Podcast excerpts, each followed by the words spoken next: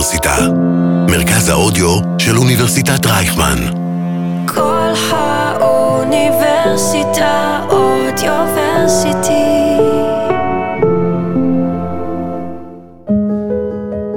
דוגרי. יעוז סבר ואורחים בשיחה פתוחה. שלום לכם, אנחנו כאן אה, בפודקאסט חדש, איתי יעוז סבר, במסגרת אה, מדברים אה, חרבות ברזל בכל האוניברסיטה של אוניברסיטת רייכמן, ואיתנו נמצא אה, שר הביטחון לשעבר, אה, רב אלוף אה, במילואים, בדימוס, אומרים היום, אם זה לא בשירות מילואים פעיל, אה, משה בוגי יעלון, קודם כל אני מודה לך שהצטרפת אלינו. שלום יוז. אה, אז תודה רבה, ובאמת אה, קצת ככה, בשביל מי שבמקרה לא מכיר, אני לא יודע, לא היה פה בזמן האחרון, אז באמת אתה אחד האנשים הנדירים שגם היו אה, ראשי אמ"ן, שמסתובבים בינינו עדיין. חושב, חוץ מאהוד ברק, שגם היו שרי ביטחון וגם ראש אמ"ן, מפקד סיירת מטכ"ל, כמובן רמטכ"ל. היית גם שר לנושאים אסטרטגיים, חבר בשביעייה, שהפכה לשמינייה, ואחרי זה ירדה לשביעייה שוב. אז בסך הכל חבר ממשלת ישראל מ-2009 עד 2016. נכון. אה, שלוש שנים שר ביטחון, אה, באמת ראית אה, והיית בכל הכיוונים. צריך להגיד, אנחנו נדבר גם פוליטיקה היום, אבל מעט מאוד, כי בסך הכל אנחנו, אני חושב שמעטים המומחים הביטחוניים שמסתובבים בינינו כמוך. אה, וננסה קצת להבין מה קרה לנו, ואולי יותר חשוב, מה, מה יקרה לנו, כי בסך הכל צריך להסתכל קדימה אה, ופחות אחורה. אה, אבל אני רוצה כן להחזיר אותך בתחילת השיחה שלנו לאותו בוקר ב-7 באוקטובר. אתה גר במרכז הארץ, אה, או שהיית בגרופית אז. הייתי בגרופית. אה, היית בגרופית, אז אתה אפילו לא מתעורר מהאזעקות. אה, אתה ער? אני ער, אני קם כמו רפתן בארבע וחצי בבוקר. או-אה, אז באמת היית ער אחרי הקפה, כמו שיוסי בכר אמר, אחרי הקפה, אחרי ה... נכון. ומה קורה אצלך? אני מבין שיש אירוע, בתחילה עוד לא ברורים ממדיו, כמו שמבינים בדיעבד, ואני מבין שצריך לעלות צפונה. נכנסים לאוטו, רעייתי ואני, ונוסעים צפונה. כשאתה אומר צפונה, קודם כל, הכל זה צפונה מגרופית כן, בערך, ברור. אז אה, אז לאן? אני אומר, אני אתקרב ל- לאזור ונראה מה קורה. אה, אני מתחיל להבין את אה, גודל האירוע, שזה אירוע חריג, של בעצם מחבלים פלשו לשטחנו ותפסו שטח, עוד לא מבין את גודל ה... מת, מתי, אני, אני רוצה להתעכב איתך על הרגע הזה, כי אני, אני גר ברעננה, התעוררתי מהאזעקות עם הילדים, אה, כמובן התחברתי כאיש שאוהב אקטואליה לכל הקבוצות וכולם, ופתאום אני רואה את התמונה הזאת של הטנדר הזה במרכז אה, שדרות, והדבר הראשון שאני אומר לאנשים, להרבה אנשים שואלים אותי, ואני אומר להם, חבר'ה, זה פייק. זה כזה כנראה טנדר של המשטרה, מוסווה. אני מכיר את, אה, את המכשול התת-קרקעי, אני מכיר את אה, צפה ופגע, את כל הסיפור. לא יכול להיות שמסתובבים אה, מחבלי נוח'בה בישראל, בואו נחכה. טוב, אני לא רואה טלוויזיה כי אני נוהג. אני שומע רדיו, ואני שומע שיש מחבלים בשדרות, ואחר כך גם בנתיבות, באופקים, אני מבין שזה אירוע גדול. ואני מתקרב, אני כמובן חושב מה, מה אני עושה, מבין שלשטח אי אפשר להיכנס, אין שליטה, יש כבר גם מחסומים, אי אפשר להיכנס. מתחיל לקבל דיווחים מחברים. אימא שמתקשרת, שהבן שלה היה במסיבה ברעים, ואני מתחיל לצאת עצות ולכוון לאן כדאי לצאת. הוא יצא למזלו לצאלים, שהייתה מחוץ לשטח שנתפס על ידי המחבלים. ו... בקיצור, מאחר והעולם הוא קטן, ואתה מכיר אנשים, אז אתה מבין שיש שם אירוע מאוד מאוד... מתי, מה, מה הרגע שבו אתה מבין באמת, זאת אומרת, מה, איזה, איזה ידיעה שמגיעה, או שזה שדרות, או שזה יורים בשדרות. התגברות הידיעות? לא, אמרו יורים בשדרות. התרחיש הזה, דרך אגב, הוא תרחיש כשאני שר ביטחון ב-2014. עולה רעיון אצלם בתחילת 2014, לבנות תוכנית אופרטיבית שעל בסיס מנהרות שהם חפרו אז, אז היו כבר 12 צירי מנהרות, בחלקם יצאו עם כלי רכב, עם אופנועים, ושדרות מיד מסומנת. מנהרות חודרות, הפחד מנהרות הגדול חודרות, שהיה בצוק איתן. כן. רק חודרות. אה, עם זה הם ייכנסו פנימה. זה מעסיק אותי כמובן, כל נושא המנהרות. עוד לפני שאני שר ביטחון, וכשר ביטחון, כשאני נכנס, אני אומר, מבחינתנו המטרה היא להביא לזה שהמנהרות החודרות הן בזבוז זמן וכסף שלהם. בסוף הקמנו גם את הקיר הזה, שעליו יש גם את הגדר, אבל לפני כן, הרבה שיטות כדי לאתר. התחלנו בכלל בלואו-טק, בכל חצי מטר לקדוח קידוח כן, כן. בשטחנו, כדי לאתר מנהרות. איתרנו כבר ארבע כאלה לפני צוק איתן, ואז נכנסנו לצוק איתן עם כל מה שהיה שם, שמישהו סימן את נושא המנהרות כמתקפת מנע. שטות לדעתי, אבל לא חשוב. הייתה כרגע- שם דרמה, אתה אומר, הייתה שם דרמה פוליטית. אה, פוליטית. כן, פוליטית בוא נשים את זה עכשיו בצד. אני אמרתי בסבלנות, אנחנו נגיע לאמצעים כאלה, שקודם כל חמאס, אחר כך גם חיזבאללה, אה, יבינו שמנהרות חודרות זה לא כלי, לנו יש אמצעים נגד זה. אז נגד חמאס מצאנו, תוך כדי צוק איתן, עלו עוד רעיונות, קיבלנו איזה 400 רעיונות למפא"ת, כן, לגבי טיפול במנהרות. חלק מזה זה הקיר, הרבה דברים אחרים של גילוי. זה הביא גם לגילוי המנהרות בצפון, שהם התחילו לח... לחשוב עליהם רק אחרי צוק איתן. ולאותו מבצע אה, בשלהי תקופתו מגן- של גדי איזנקוט. נכון, של גילוי, של חשיפת המנהרות, שיש שישה צירי מנהרה של חיזבאללה.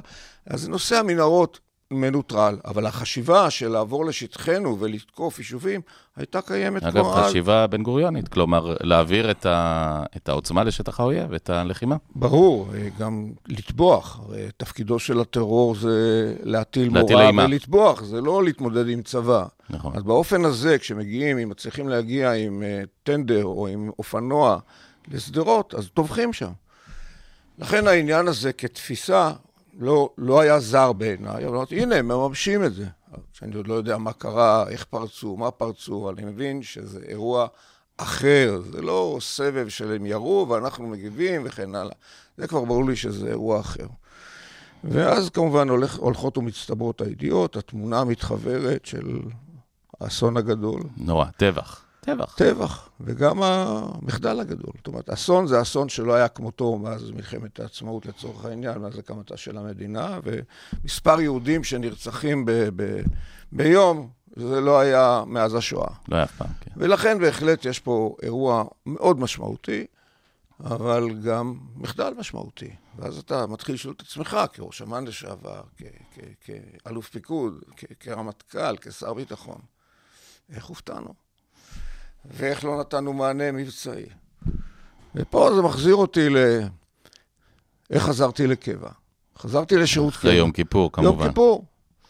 אני, ביום כיפור, אני חשתי, כמו רבים כמותי, שקרה פה אירוע שהוא מחדל, כמובן.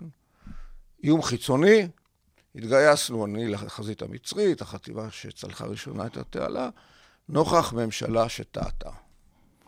פה, הרי זה לא מפתיע אותי אסטרטגית שתוקפים אותנו, כי אני מדבר על זה כל שבת במחאה. שר הביטחון גלנט מזהיר במרץ, שאם אנחנו נמשיך בחקיקה, כמו שהוא קורא לזה, בעצם בהפיכה המשטרית, נכון. אז זו פגיעה ממשית ברורה ומיידית בביטחון. לכן מבחינה אסטרטגית, זה מימוש של החשש והאיום שאני רואה לאורך הדרך, רק במקרה הזה זה ממשלה, זה איום פנימי, ממשלה שפעלה בזדון. ואגב, אני מוסיף לך את ראש האופוזיציה נתניהו, שאומר בממשלת בנט, הוא אומר, הטרור שהוא מריח חולשה, הוא מרים ראש. טוב, זה ברור, הוא גם כתב אה. ספרים על טרור, אבל אה, זה חשבונות כבר, זה לא ברמה האישית, זה ברמה הלאומית. כל מה שהוא עשה בשנים האחרונות, והייתי לידו, ואני יכול לשבח אה, פעילויות, כ- הזכרת את השביעייה, 2009-2013, תקופה יפה יחסית. סידרה את האסטרטגיה הישראלית לשנים הבאות, בדיון עם אנשים מומחים, היה שם את נתניהו ואת ברק ואת בני בגין ודן מרידור, ואנוכי ואלי ישי שמאוד התייעץ, וליברמן שרוצה לכסח. אה, אה, זה היה מאוזן, היה איזון. כן, אבל טוב, הוא לא, הוא לא, הוא לא השתתף בדיונים, הוא בא לעשר דקות, זרק את הרימון לחדר והלך. אז זה לא משנה כרגע, אבל החבורה הזאת גם התכוננה לדיונים, והיא מאוד מנוסה. אתה מדבר על בני בגין ודן מרידור, הם לא מגיעים לדיון לפני שהם קראו חומר, אה, העמיקו, והם באים גם עם הניסיון. אה, דן מרידור עוד בשלג היה מזכיר הממשלה של אה, מנחם בגין, ואחר כך כל הפעילויות שלו. שר דבר אוצר, בני יו"ר ועדת חוץ וביטחון. בוודאי, מאוד מנוסים. לכן זה הפורום שהתווה את האסטרטגיה, שבעיקר עסקה באיך אנחנו מפסיקים להיות בני ערובה של הסכסוך הישראלי-פלסטיני. נושא שבער בי הוא בזה שהביא אותי לפוליטיקה, הנושא הישראלי-פלסטיני, והתווינו את אותה מדיניות שהביאה בסוף להסכמי אברהם, בעצם לנטרל את הסכסוך הערבי וגם להציע אה, למדינות ערב למיניהן, שכבר רובן שם, ערב הסעודית עוד מחכה, קשור גם לאירוע הזה. אה, מאוד לא קשור. להיות בני ערובה, לא להיות בני ערובה של הסכסוך הישראלי-פלסטיני. יש לנו כל כך הרבה אינטרסים משותפים. חוסיין הבין את זה ב-1970, כשאני הייתי חייל צעיר וישבנו בכי... בתעלה. לא, אז היה שטחי כינוס בבית השיטה, מוכנים להיכנס לרמת כיס, להציל אותו מפני פלישה. אה, באותו סיפור של אה, ספטמבר השחור בעצם. לפני, ש- זה היה ביולי. שבאנו להגן עליו, כן, מהסורים. ביולי הסורים, כן. המשטר רצה להשתלט על ירדן, להכתיר את ערפאת שהיה שם, כן, אלה כן. שלא מכירים את ההיסטוריה, להפיל את המלך חוסיין. זה היה מנוגד לאינטרס שלנו, קודם כל. אז אנחנו נערכנו להיכנס לרמת אום כיס, שזה הקצה הצפוני של ירדן, גבול ירדן, בין ירדן, סוריה. למנוע את הפלישה. גם מטוסים חגו באוויר, הסורים מנעו את ה... עצרו את הפלישה. אגב, קצת עשינו אז מה שעושים האמריקאים עכשיו עם המשחטות ועם אה, נוסעות גם, המטוסים. גם. הגענו ליעד, כן. שידרנו נוכחות, וזה הספיק בשביל אה, נכון. בעצם להביא מאוחר יותר לספטמבר השחור, בעצם גירוש של פת"ח. אז מ- אנחנו בשביעייה אומרים, חוסיין היה הראשון, לא סאדאת, 1970, החתימה הרשמית הייתה רק 24 שנים אחרי, 94, כן. אבל היחסים האסטרטגיים היו עם ירדן, קודם כל, בעקבות האירוע הזה בקיץ 70, וגם לא הצטרף ב-73 למלחמה, צריך להגיד. נכון. בחר שלא להצטרף. וגם בא לגולדה והתריע. כן. אמר לערבים, בונים קואליציה לקראת מה שהיה מלחמת יום כיפור, והציעו להצטרף, ואני סירבתי. ובכל אופן, אה, אה, השביעייה בעצם אומרת, התחלנו אז, זה הולך ומתרחב, ירדן, מצרים, נקרב את מדינות המפרץ, בעצם לנטרל את הסכסוך הישראלי-ערבי, להישאר עם הסכסוך הישראלי-פלסטיני, ול- ולא להיות שבויים שלו. אז התפיסה הזאת, מבחינתי, הייתה כל כך חזקה גם בהבנה שלי, שהביאה אותי לפוליטיקה, כדי לא להיות באמת שבויים של הסכסוך הישראלי. אבל אני רוצה להקשות עליך שנייה אחת, אה, וזה זמן ללגום, תלגום מהקפה, כי אני אקשה עליך קצת. אה, בעצם השארנו את הסכסוך, כמעט התעלמנו מהסכסוך הפלסטיני באיזשהו שלב, כאשר אני חושב שהשיא, אה, ואני אומר את זה גם כבן אדם שעובד במפרץ ומאוד מאוד אה, מעודד את ההתקדמות, בוודאי עם סעודיה, שבעצם החמאס, וכן, החמאס בסוף הוא גוף, אה, הוא, הוא לא גוף טיפש, הוא גוף שמבין דברים, הוא מסתכל ואומר, רגע, אם אני לא תוקף עכשיו, ואני חלילה לא מצדיק לרגע את הטבח, אני רק אומר מצידו, אם אני לא תוקף עכשיו, בעוד חודש הכל נגמר. זאת אומרת, סעודיה חותמים, איתם אולי אה, עומאן באים, איתם כנראה קטאר, אולי כווית, בעצם הסכסוך נגמר וזהו, ואני נשאר פה לדשדש בעזה לנצח. ברור, לא. ל- למה הוא עושה את זה, זה ברור. כלומר, קצת דחפנו אותו, חלילה, אני לא אומר שלא בצדק, אבל אה, עם הגב לקיר, זאת אומרת, או שאני תוקף עכשיו, או שאני לא רלוונטי. יש בזה משהו, וזה גם מחייב אותנו להסתכל על מה הלאה. אי אפשר להתעלם מזה שיש פה פלסטינים לצורך העניין. אז אפשר להגיד שזה שם מומצא והיה מומצא. בסוף יש פה גוף. הוא גם uh, הפך להיות לגוף פוליטי, הרשות הפלסטינאית, מפוצל. לשני גופים, חמאסטן, כן, בדיוק, כן. שני גופים. רשות פלסטינאית ביהודה ושומרון, חמאסטן בעזה. היה פה תהליך ש... אני, אתה יודע, אני למדתי אצל נחמיה תמרי כמ"פ. שכשקורה משהו, אז מיד תראה ככה, עם היד. אצבע אחת אתה יכול להאשים כל גורם חיצוני אחר. אצבע אחת, מה שאתה מאמין, הקדוש ברוך הוא, הגורל, המזל, לא חשוב מה. שלוש אצבעות אליך. אליך. במה אני יכול לעשות יותר טוב, או במקרה שאני מפיק לקחים על אירוע, מה יכולתי לעשות יותר טוב כדי להשתפר. תכף נדבר על זה, על העניין מה עושים עכשיו לנוכח ה- ה- האירוע. בכל אופן, אה, אה, כשאני מד- מדבר על אה, אותה שבת בבוקר, התמונה שמצטיירת בפניי זה אירוע מאוד משמעותי, שהחמאס יוזם. אני מאוד חושש שהוא לא לבד, כי יש דיבורים לפני זה, בגלל מה שקרה אצלנו בפנים בעשרה חודשים של ההפיכה המשטרית, אנחנו נראים מפני הסביבה כמתפוררים. קורי העכביש המפורסמים, ש... זה חוזר לקורי עכביש. זה, שוב, אתה מדבר על קורי עכביש. חסן נסראללה קורא לנו ביוני אה, 2000, כשאנחנו יוצאים מרצועת הביטחון, קורי עכביש. כשהוא אומר את זה, ערפאת אומר, זה ביטוי שלי. זאת אומרת, ההתייחסות אלינו, אל הישות הציונית, כאל, קודם כל, ישות בנסיגה, או קורי עכביש, מתחזקת מאוד בשנות התשעים. בשנות התשעים, מבחינתם, האבן של האינתיפאדה מביאה אותנו לאוסלו. זה הסיפור, זה הנרטיב שלהם. אה, חסן נסראללה, אה, העובדה שברצועת הביטחון ספגנו אבדות אה, שבוע על בסיס. 25-30 הרוגים בשנה, אנחנו לא מסוגלים לעמוד בזה, והוא מסביר לנו, מה להרתם קורי עכביש? אתם כמו קורי עכביש, נראים מרחוק חזקים, אבל נוגעים לכם אתם מתקפלים. אתם כבר לא מוכנים לחרף את נפשכם ולהגן על עצמכם. אני מוכן להתאבד בשביל המשימות שלי. בשפה פשוטה, אני אומר את זה. ובעצם... אגב, יש משהו בדבריו בעיניך? אני אף פעם לא חשבתי כך. ידעתי שכשהסכין תהיה מונחת על הצוואר, אנחנו נתגייס. אבל אני שומע, כראש אמ"ן של ממשלת אוסלו, אני שומע שלא בטוחים המילואימניקים כן יתגייסו, לא יתגייסו. ואני באתי לתפקיד ראש אמ"ן מלפקד על בסיס האימונים ליחידות השדה בצאלים. כן. עברתי את כל יחידות המילואים, אני אומר, הם יתגייסו, אבל כבר נכתבו פה ספרים. אה, היה ראש ממשלה שאמר, עייפנו מניצחונות. אה, זאת אומרת, שידרנו פה חולשה. ואת זה אני קולט כראש אמ"ן, את החולשה הזאת שהם רואים בעיניהם, אני חושב שהם טועים, כי אני מאמין שברגע שהסכין על צוואר אנחנו מתעשתים. וזה קרה לנו בחומת מגן. בחומת מגן... אתה סגן הרמטכ"ל, צריך להזכיר כבר uh, אני, כמעט רמטכ"ל. אני עשרים שבוע, שבועיים לפני חומת מגן אני נכנס לתפקיד סגן הרמטכ"ל, אבל אני מכין את פיקוד המרכז במשך למעלה משנה למה שקראנו ספטמבר 2000.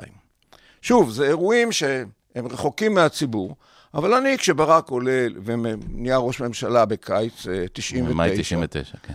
ואני אה, ביולי 99 כותב את המסמך הראשון בפיקוד, אומר להתכונן למלחמה בספטמבר 2000. למה? למה ספטמבר ולמה 2000?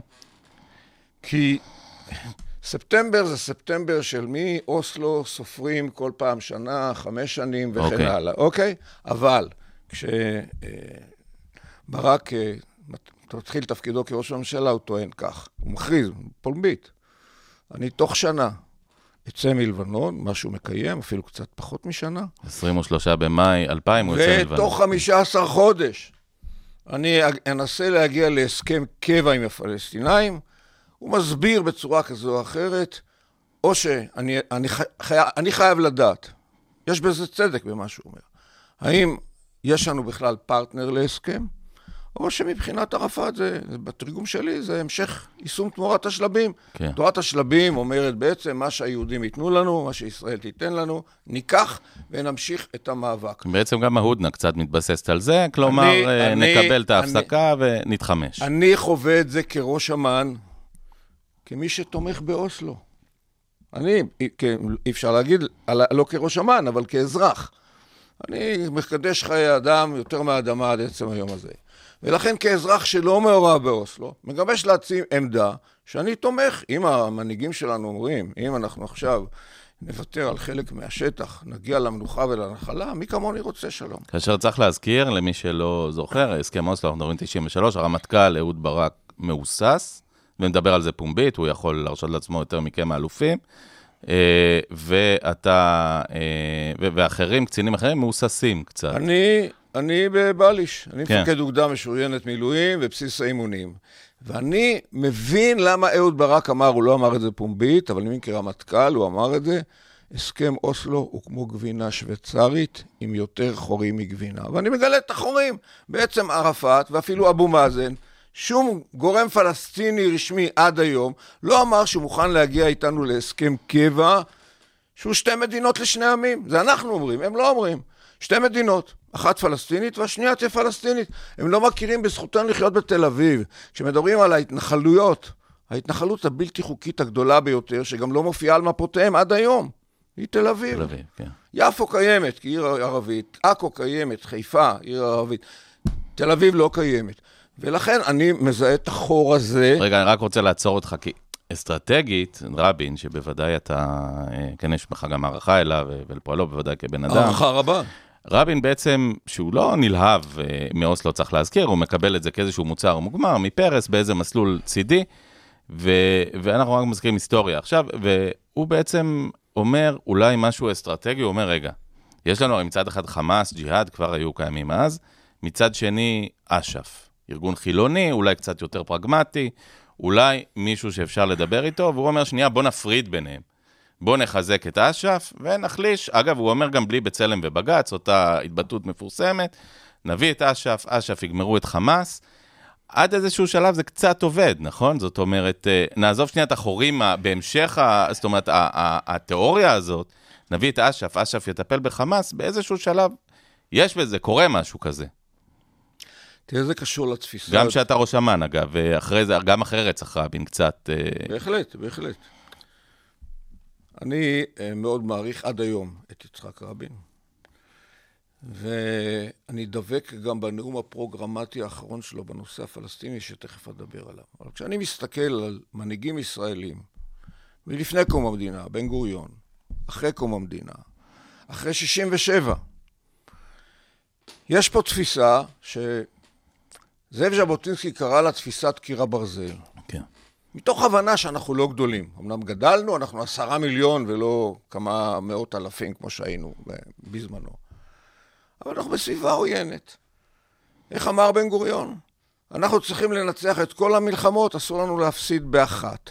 ולכן אנחנו חייבים לא רק לפעול בכוח, אלא לחפש את המתונים באזור ולהגיע איתם להסדרים. זו התפיסה. ותמיד חיפשנו, אם זה היה איראנים לפני השח, אם זה היה כורדים בשלבים, לא משנה מי, ודאי, מצאנו. ודאי. ולכן... והיום זה המפרציות, אגב, סליחה. אבל אף אחד לא אמר, במנהיגים שלנו, החמאס הוא נכס והרשות היא נטל. להפך, אם הרשות זה המתונים יחסית, ויש לי הרבה ביקורת על הרשות, אז אני אחזק את הג'יהאדיסטים האלה? ולכן התפיסה הזאת השתנתה. אם מדברים על שינוי קונספציה, זה שינוי שעשה נתניהו בשנים האחרונות מסיבותיו האישיות, לא מסיבות... ותכף תכף ניגע בזה, רגע, ניגע... ולכן, ולכן העניין הזה, שכשאני מגיע בעצם להיות ראש אמ"ן, אני מוצא שפה משותפת עם רבין. אני מבין אותו.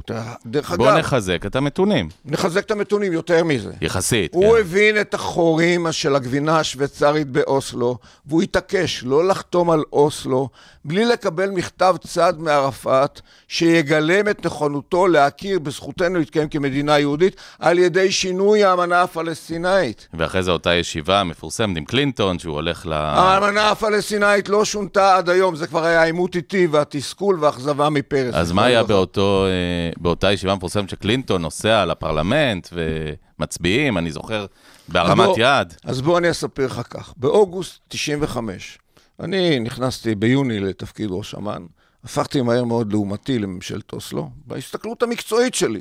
אני גאה בזה. בתור המעריך הלאומי, בתור הערכותיך מעריך היו לאומי, שונות. אני לא, אני לא דבק בקונספציות ולא... אם באתי וחשבתי שאוסלו זה טוב, אני מגלה שזה רע, אז אני אגיד שזה רע. ובכל אופן, אני אה, נכנס לרבין, זכרו לברכה, באוגוסט 95, לפגישת עבודה שמקיים ראש אמ"ן עם ראש ממשלה, אם הכל מתנהל בסדר אחת לשבועיים. ואני אומר לו, אדוני ראש, הממשלה, אני חייב להתריע התראה אסטרטגית. ראש הממשלה רבין, ממש בשלושה כן. חודשים האחרונים לחייו. כן? ושר ביטחון גם אז. אדוני ראש הממשלה, אני חייב להתריע התראה אסטרטגית, אינני רואה את ערפאת מכין את דמו לדו-קיום, לפיוס איתנו, לשלום, אלא מכין אותם לג'יהאד ואיסטישאד. ואני, כדי להוכיח את זה, לא צריך אמצעי מודיעין מתוחכמים, די להראות איך מחנכים ילד פלסטיני אחרי אוסלו. ישראל לא מופיעה על המפה. ילד בגיל שלוש כבר חוגר חגרות נפץ. את מי, את, לרצוח את מי, וכן הלאה וכן הלאה, ואין לי יכולת אפילו להביא ציטוט אחד, שבו הוא מדבר שבסוף התהליך נחיה זה ליד זה, מדינה פלסטינית ומדינה יהודית. אין דבר כזה.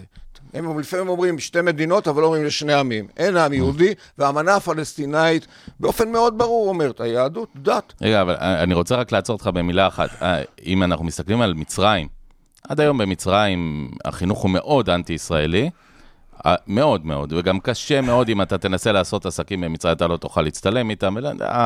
העם המצרי לא בעדנו באופן משמעותי, אבל השלום עובד. יפה. שלום קר.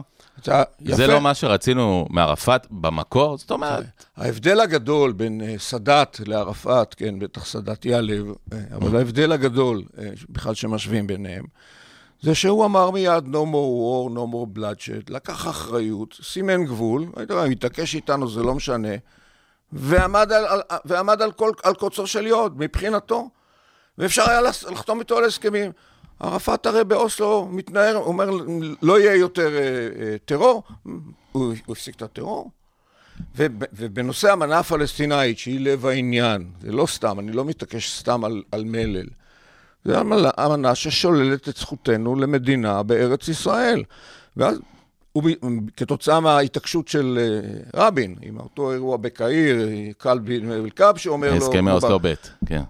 דור, דורש מכתב צד, מקבל מכתב צד התחייבות של המנה, שינוי האמנה הפלסטינאית, והיא לא שונתה עד היום. אז מה היה אותו אירוע בעצם מה היה- עם מה קלינטון? היה אותו- אתה ראש אמ"ן בשלב הזה? אני ראש אמ"ן. קלינטון כל- מגיע לא, בוא- לישראל, בוא, בוא רגע, אה. באוגוסט 95, כשאני מציג את זה לרבין, הוא, הוא מסכים איתי. הוא שואל אותי מה אני מציע. אמרתי לו, תראה, קטונתי, אבל אם אני מסתכל על הצד השני, וזו היכולת של ראש אמ"ן, הוא לא יכול להסתכל על הצד הישראלי, אבל אם אני אסתכל על הצד השני, הוא צריך לקבל אולטימטום. אם אתה לא אה, מטפל בטרור, ואם אתה לא מ- מאשר בסופו של דבר את האמנה הפלסטינאית, אתה אה, מבטל את האמנה הפלסטינאית, מכיר בזכותנו בסוף התהליך אה, להתקיים זה לצד זה עם מדינת ישראל כמדינה יהודית, אה, אני עוצר את התהליך. אז זה הפעימות. כן, כן. אז אביריחו תחילה, ועוד שטח, עוד שטח, עוד שטח, תעצור את זה. אגב, שמעתי, שמעתי רק בסוגריים, שמעון שבס השבוע בפודקאסט נדב פרי, הוא אומר, היה אז מנכ"ל משרד ראש הממשלה של רבין, רוב התקופה, הוא אומר, רבין היה עוצר. נכון. היה עוצר, אני אומר את זה גם. היה גם ממשיך אולי אחרי לא, זה, אבל אני- עוצר עד ל- עד שהיה מקבל מה שהוא רוצה. ההבנה שלי מאותה שיחת עבודה, עם פגישת עבודה עם רבין באוגוסט 95, שהוא מתכוון לעצור, והוא מחכה לזה, הוא אומר לי בצורה מפורשת. אני אחכה שערפאת ייבחר באופן רשמי, הרי ערפאת אה, בא מבחוץ בלי בחירות. כן. הולך לעשות בחירות ב-20 בינואר 96, ואז אני אציב בפניו את האולטימטום. אז הוא יקבל לגיטימציה מהפלסטיני ואני אציב את האולטימטום. לצערי, ל-20 בינואר 96. רבין לא הגיע. רבין לא הגיע, ואז זה פרס.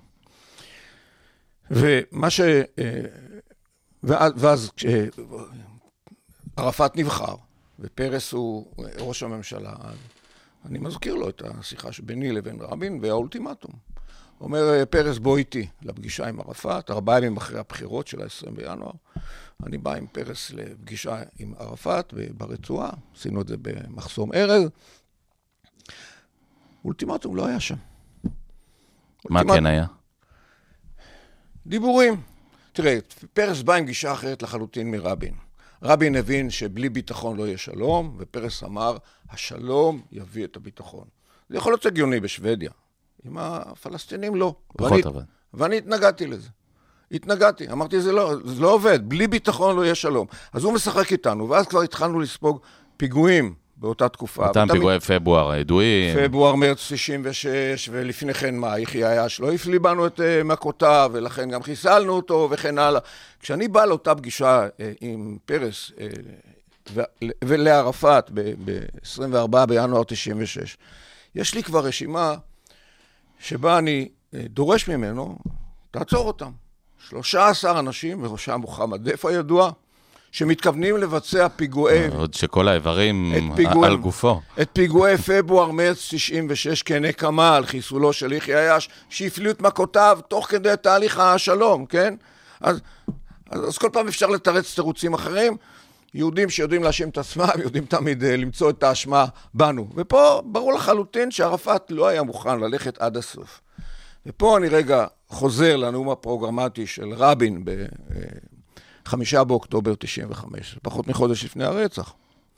והוא נושא נאום כשהוא מביא את אוסלו ב' לכנסת. והוא נאום פרוגרמטי שאני מציע לכל ישראלי אה, לקרוא אותו, אפשר למצוא אותו בגוגל. הוא אומר כך, בסוף התהליך, תהליך אוסלו, התהליך המדיני, הישות הפלסטינאית תהיה פחות ממדינה. למה היא פחות ממדינה? כי קודם כל... הביטחון, בעיקר הבי- על הביטחון. ה-overall responsibility for security, האחריות הביטחונית הגוברת היא שלנו, הרי אסור לו צבא בכלל, מותר לו משטרה. נכון. דבר אחד. דבר שני, על הפיקוח על הגבולות, מה שייכנס לגבולות ארץ ישראל, שזה גם למדינת ישראל וגם לישות הפלסטינאית ביהודה ושומרון ובעזה, זה פיקוח שלנו, בין אם זה בגשרי הירדן, בין אם זה מהאוויר, מהים. אם לא, חס וחלילה יהיה פה מה ש... כל טוב, איראנים, דאעש וכולי. אנחנו מפקחים על הגבולות. דבר אחר, הסכמי פריז, שהם הסכמים כלכליים, אומרים, המטבע הרשמי גם שלהם הוא השקל. יש פה מטבע משותף. מערכת המיסים לא יכולה להיות אחרת חוץ ממשותפת. כשהפלסטיני קונה מכונית חדשה, מביא אותה דרך נמל אשדוד. ברור, עם המיסים שלנו. המס... אם הם לא, אותם מיסים, אז יהיה פה שוק שחור. בין, בין, בין הישראלים לבין, ה, לבין הערבים. ברור. ולכן, היא פחות ממדינה. אז זה דבר אחד. אני אומר כל הזמן שיקראו לעצמם האימפריה הפלסטינאית החדשה, דה פקטו הם פחות ממדינה. זה דבר אחד. הדבר השני אומר, אין חזרה לקווי 67. הרי הם אינם בני הגנה, הוא היה רמטכ"ל מלחמת ששת הימים. זה גבולות שמפתים לתקוף אותנו, אפרופו מה שקרה לנו גם בשבעה באוקטובר. נדבר בעיקר בנושא הזה על הבקעה, אני מניח. ואז הוא גם מדגיש את הבקעה. הוא מייחד פסקה לבקעה. הוא אומר, הגבול המזרחי יהיה בקעת הירדן, בפירוש הרחב של המושג בקעת הירדן, שזו תוכנית יגאל אלון. יגאל אלון, התוכנית הייתה שליטה ישראלית מהנהר ועד גב ההר, כולל התיישבות ישראלית שהייתה התיישבות של תנועת העבודה בבקעה. ואומר ירושלים מאוחדת לנצח, כוללת גבעת זאב, מעלה אדומים. אני חותם על זה היום. הוא אומר החלת ריבונות גם על ההתיישבות, שזה הגושים בעיקר באותה תקופה, זה גם נכלל בנאום הזה. לכן מי שהופך אותו לשלום עכשווניק בדיעבד, הוא היה נץ ביטחוני, והוא לא השלה את עצמו. הוא רק אמר ננסה, כמו שאהוד ברק אמר, אוקיי, אני מבין שכרגע יש ערעור על בכלל כוונותיו של ערפאת, אז בואו נעמיד אותו למבחן בקמפ דיוויד. הוא ואז... שיחק שם פוקר די מעניין בקמפ דיוויד, כלומר, הניח את כל הקלפים על השולחן, כן. וערפאת אמר לא. אז, והוא אמר, אני הייתי אז אלוף פיקוד ושלחתי לו את אותו מכתב ביולי 99, ראשון, להתכונן למלחמה בספטמבר 2000. ואחר כך כל כמה חודשים עוד תזכורת, שבעצם אם אכן יוצא לערפאת, אה, take it or leave it, או לא משנה מה, הרי הוא לא נכנס בכלל למשא ומתן בקמפ דיוויד, אותה תמונה שקלינטון וברק כן. דוחפים אותו בדלת היא כל כך סמלית. וברק בצדק מבחינתו, אומר, אני חייב לעצור, מה, אני אתן, או אני אתן, אני אתן, ואני אחטוף כל הזמן פיגועים, אני רוצה להעמיד את זה למבחן. וזה עמד למבחן. בקמפ דיוויד ערפאת לא נכנס למשא ומתן, ומיד חיפש את התירוץ איך לפתוח במלחמה, בסוף מצא את זה בספטמבר. ועד היום אנחנו לא יודעים, אה, רכב על הנמר, הניע את הנמר, יש אה, דעות שונות, אה, בואו נשנייה. אני יודע, אני אומר את זה בצורה מאוד ברורה. הוא אחראי לנמר. הוא רכב עליו. הוא הדליק את האש, הוא לא שלט בגובה הלהבות. מאיזשהו שלב. כן, זה ברור, אבל תראה, אני יכול להוכיח את זה גם בהוכחות. חלקן עוד קשה לדבר עליהן, חומר מודיעיני וכולי. אבל אתה יודע, קח אירוע למשל. יש בחירות ל... למזכירות הפת"ח ב, ב, ביהודה ושומרון, בהגדה המערבית, כמו שהם קוראים לזה. מי שזכה בבחירות זה חסיין א-שייח. הוא לא ממנה אותו, הוא לוקח את מרואן ברגותי וממנה אותו. כי מרואן ברגותי הוא מיליטנטי, אני קראתי לו אז האלטר אגו של ערפאת, ובעצם הוא ברמזים, הוא לא דיבר עם אף אחד, רק איתו בארבע עיניים, הוא אומר לו, אודרוב, אודרוב, תפתח. ואז במאי 2000, זה, זה יום הנכבה, מאי 2000, עד אז לא קרה לנו אירוע כמו שהיה במאי 2000. פתחו עלינו באש, כן. השוטרים הפלסטינאים, כן. בצומת איו"ש, בקבר רחל וכן הלאה, בכל נקודות החיכוך. ואתה שואל את עצמך, רגע, ראש ממשלה מדבר על שלום, קמפ דיוויד, זה, זה במאי, לא לפני יולי, והם פה מחממים את השטח. אני קראתי לזה בפיקוד, זה הכנת, תודעת, הכנת האוכלוסייה הפלסטינאית לתודעת המאבק. הפלסטינאים לא חשבו על מלחמה. 120 אלף אז עבדו בישראל. הכלכלה הייתה סבירה מאוד אצלם, הרבה יותר טוב מאשר בעזה, בוודאי, וכן הלאה. ופתאום הוא רוצה להדליק את האש, אז הוא שולח את מרואן ברגותי באותו יום לחמם. ואחר כך מרואן ברגותי מוביל, אה, מוביל את מלחמת הטרור, אני לא קורא לה אינתיפאדה, זה לא הייתה אינתיפאדה, זו הייתה מתקפה יזומה של ערפאת. כן, זה לא היה התקוממות עממית של שלא. אה, אה, בקבוקים באבנים ברחובות. לכן טעות לקרוא לזה האינתיפאדה השנייה. זה לא אינתיפאדה, זו הייתה מתקפה יזומה על ידי ערפאת. אז אני עם כל התובנות האלה, ובלא מעט מקרים מתווכח עם הדרג המדיני עוד כקצין, כראש אמ"ן, אלוף פיקוד המרכז. סגן הרמטכ"ל אחרי זה. אחרי זה סגן הרמטכ"ל, שבועיים לפני... ספטמבר 2000, אני סגן רמטכ"ל, ואז אני אומר, המטרה החשובה ביותר מבחינתנו זה לצרוב בתודעתם שהטרור איננו משתלם, אנחנו לא קורי עכביש.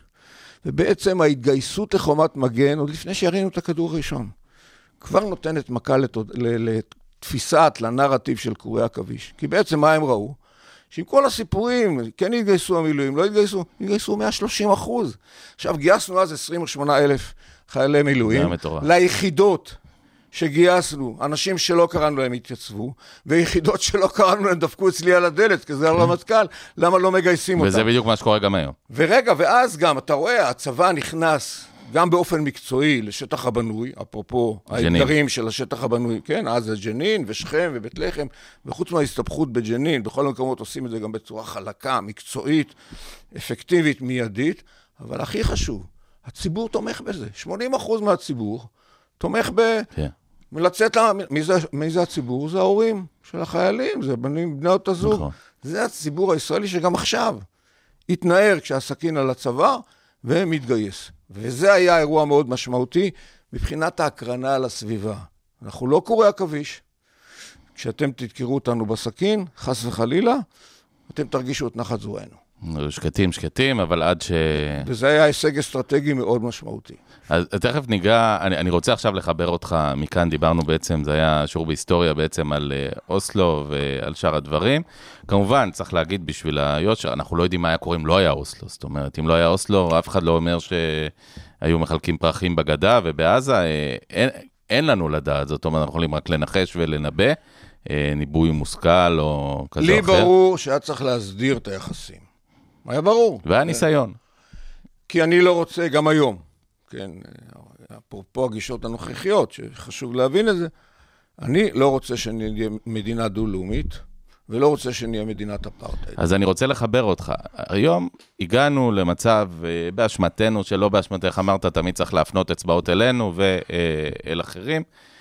בסופו של דבר, אה, חמאס עושה את אותה הפיכה ב-2007, ואנחנו מוצאים את עצמנו אה, כבר 16 שנה, אתה, כמעט חופף לכניסה שלך לפוליטיקה, נכנסת בשלהי 2008, אם אני זוכר נכון, אה, ולכנסת נכנסת ב-2009, במרץ 2009.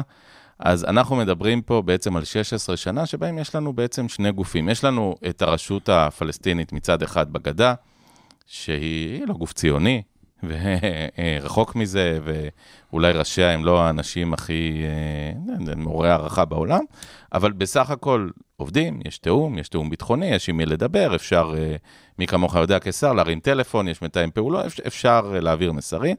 ומהצד השני, מדינת טרור, חמאסטן אמיתית בעזה, סגורה, מגודרת, ואנחנו יושבים שם על הגבולות, חלק מהזמן, על הגבולות שלנו, לא על הגבולות שלהם החוצה.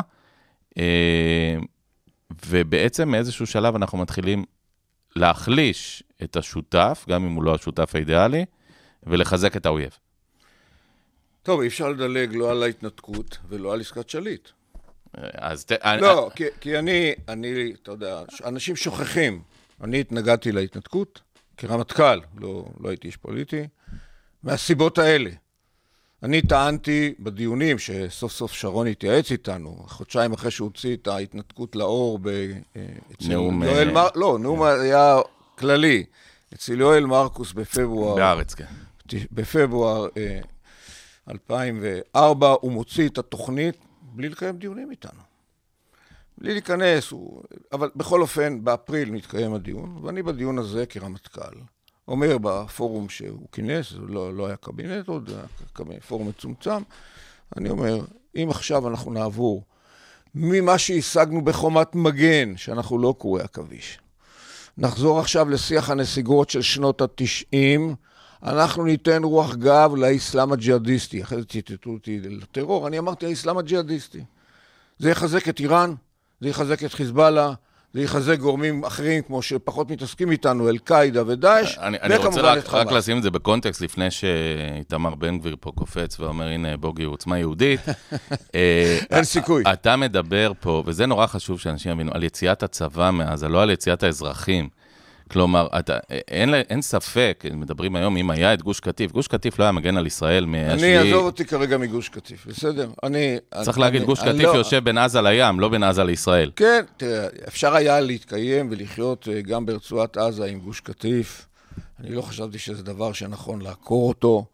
אה, ודרך אגב, גם גוש קטיף היה התיישבות של תנועת העבודה, בתחילתו. הכל היה... כן, כמעט, בסדר, לא, אני מסתכל על זה שבעצם אה, היה פה מהלך שהיה לי ברור שהוא יחזק את הגורמים הקיצוניים ב- אה, בחברה הפלסטינית. מצד שני, אתה מדמם חיילים, אנשים שוכחים, חיילים ואזרחים בעזה באותה תקופה, בצורה מסיבית, ש, אה. שגורמת גם לרצון ציבורי אז, אז, אז, אז זה בדיוק העניין. האם במצבים כאלה אתה נוקט באיזשהו מהלך שבולם את הדימום במידה... אני אחזור לעוד מעט, הוריך שהגיעו מאירופה בשנות ה-40. אבא שלי הגיע כבר לפני. ב-1925, אבל אימא שלי הגיעה אחרי השואה. הוא לא חלם על עזה. בטח שלא, אני, גם, לי, לא- גם, גם אני לא לא. חלמתי, לא חלמתי על עזה ולא חולם היום על גוש קטיף. אני לא שם, ואמרתי, ואני אומר עוד פעם, אני מקדש חיי אדם יותר מאדמה. עם ויתור מסוים על שטח מביא לשלום אה, לעולם ועד. אתה אז- שם. אני שם, אבל זה, מסתבר שזה הפוך. ברגע שאני רואה ששיח הנסיגות אצלנו רק מדרבן את הקיצונים, מדרבן את הג'יהאדיסטים, מדרבן את הטרור, אני לא מתעלם מזה.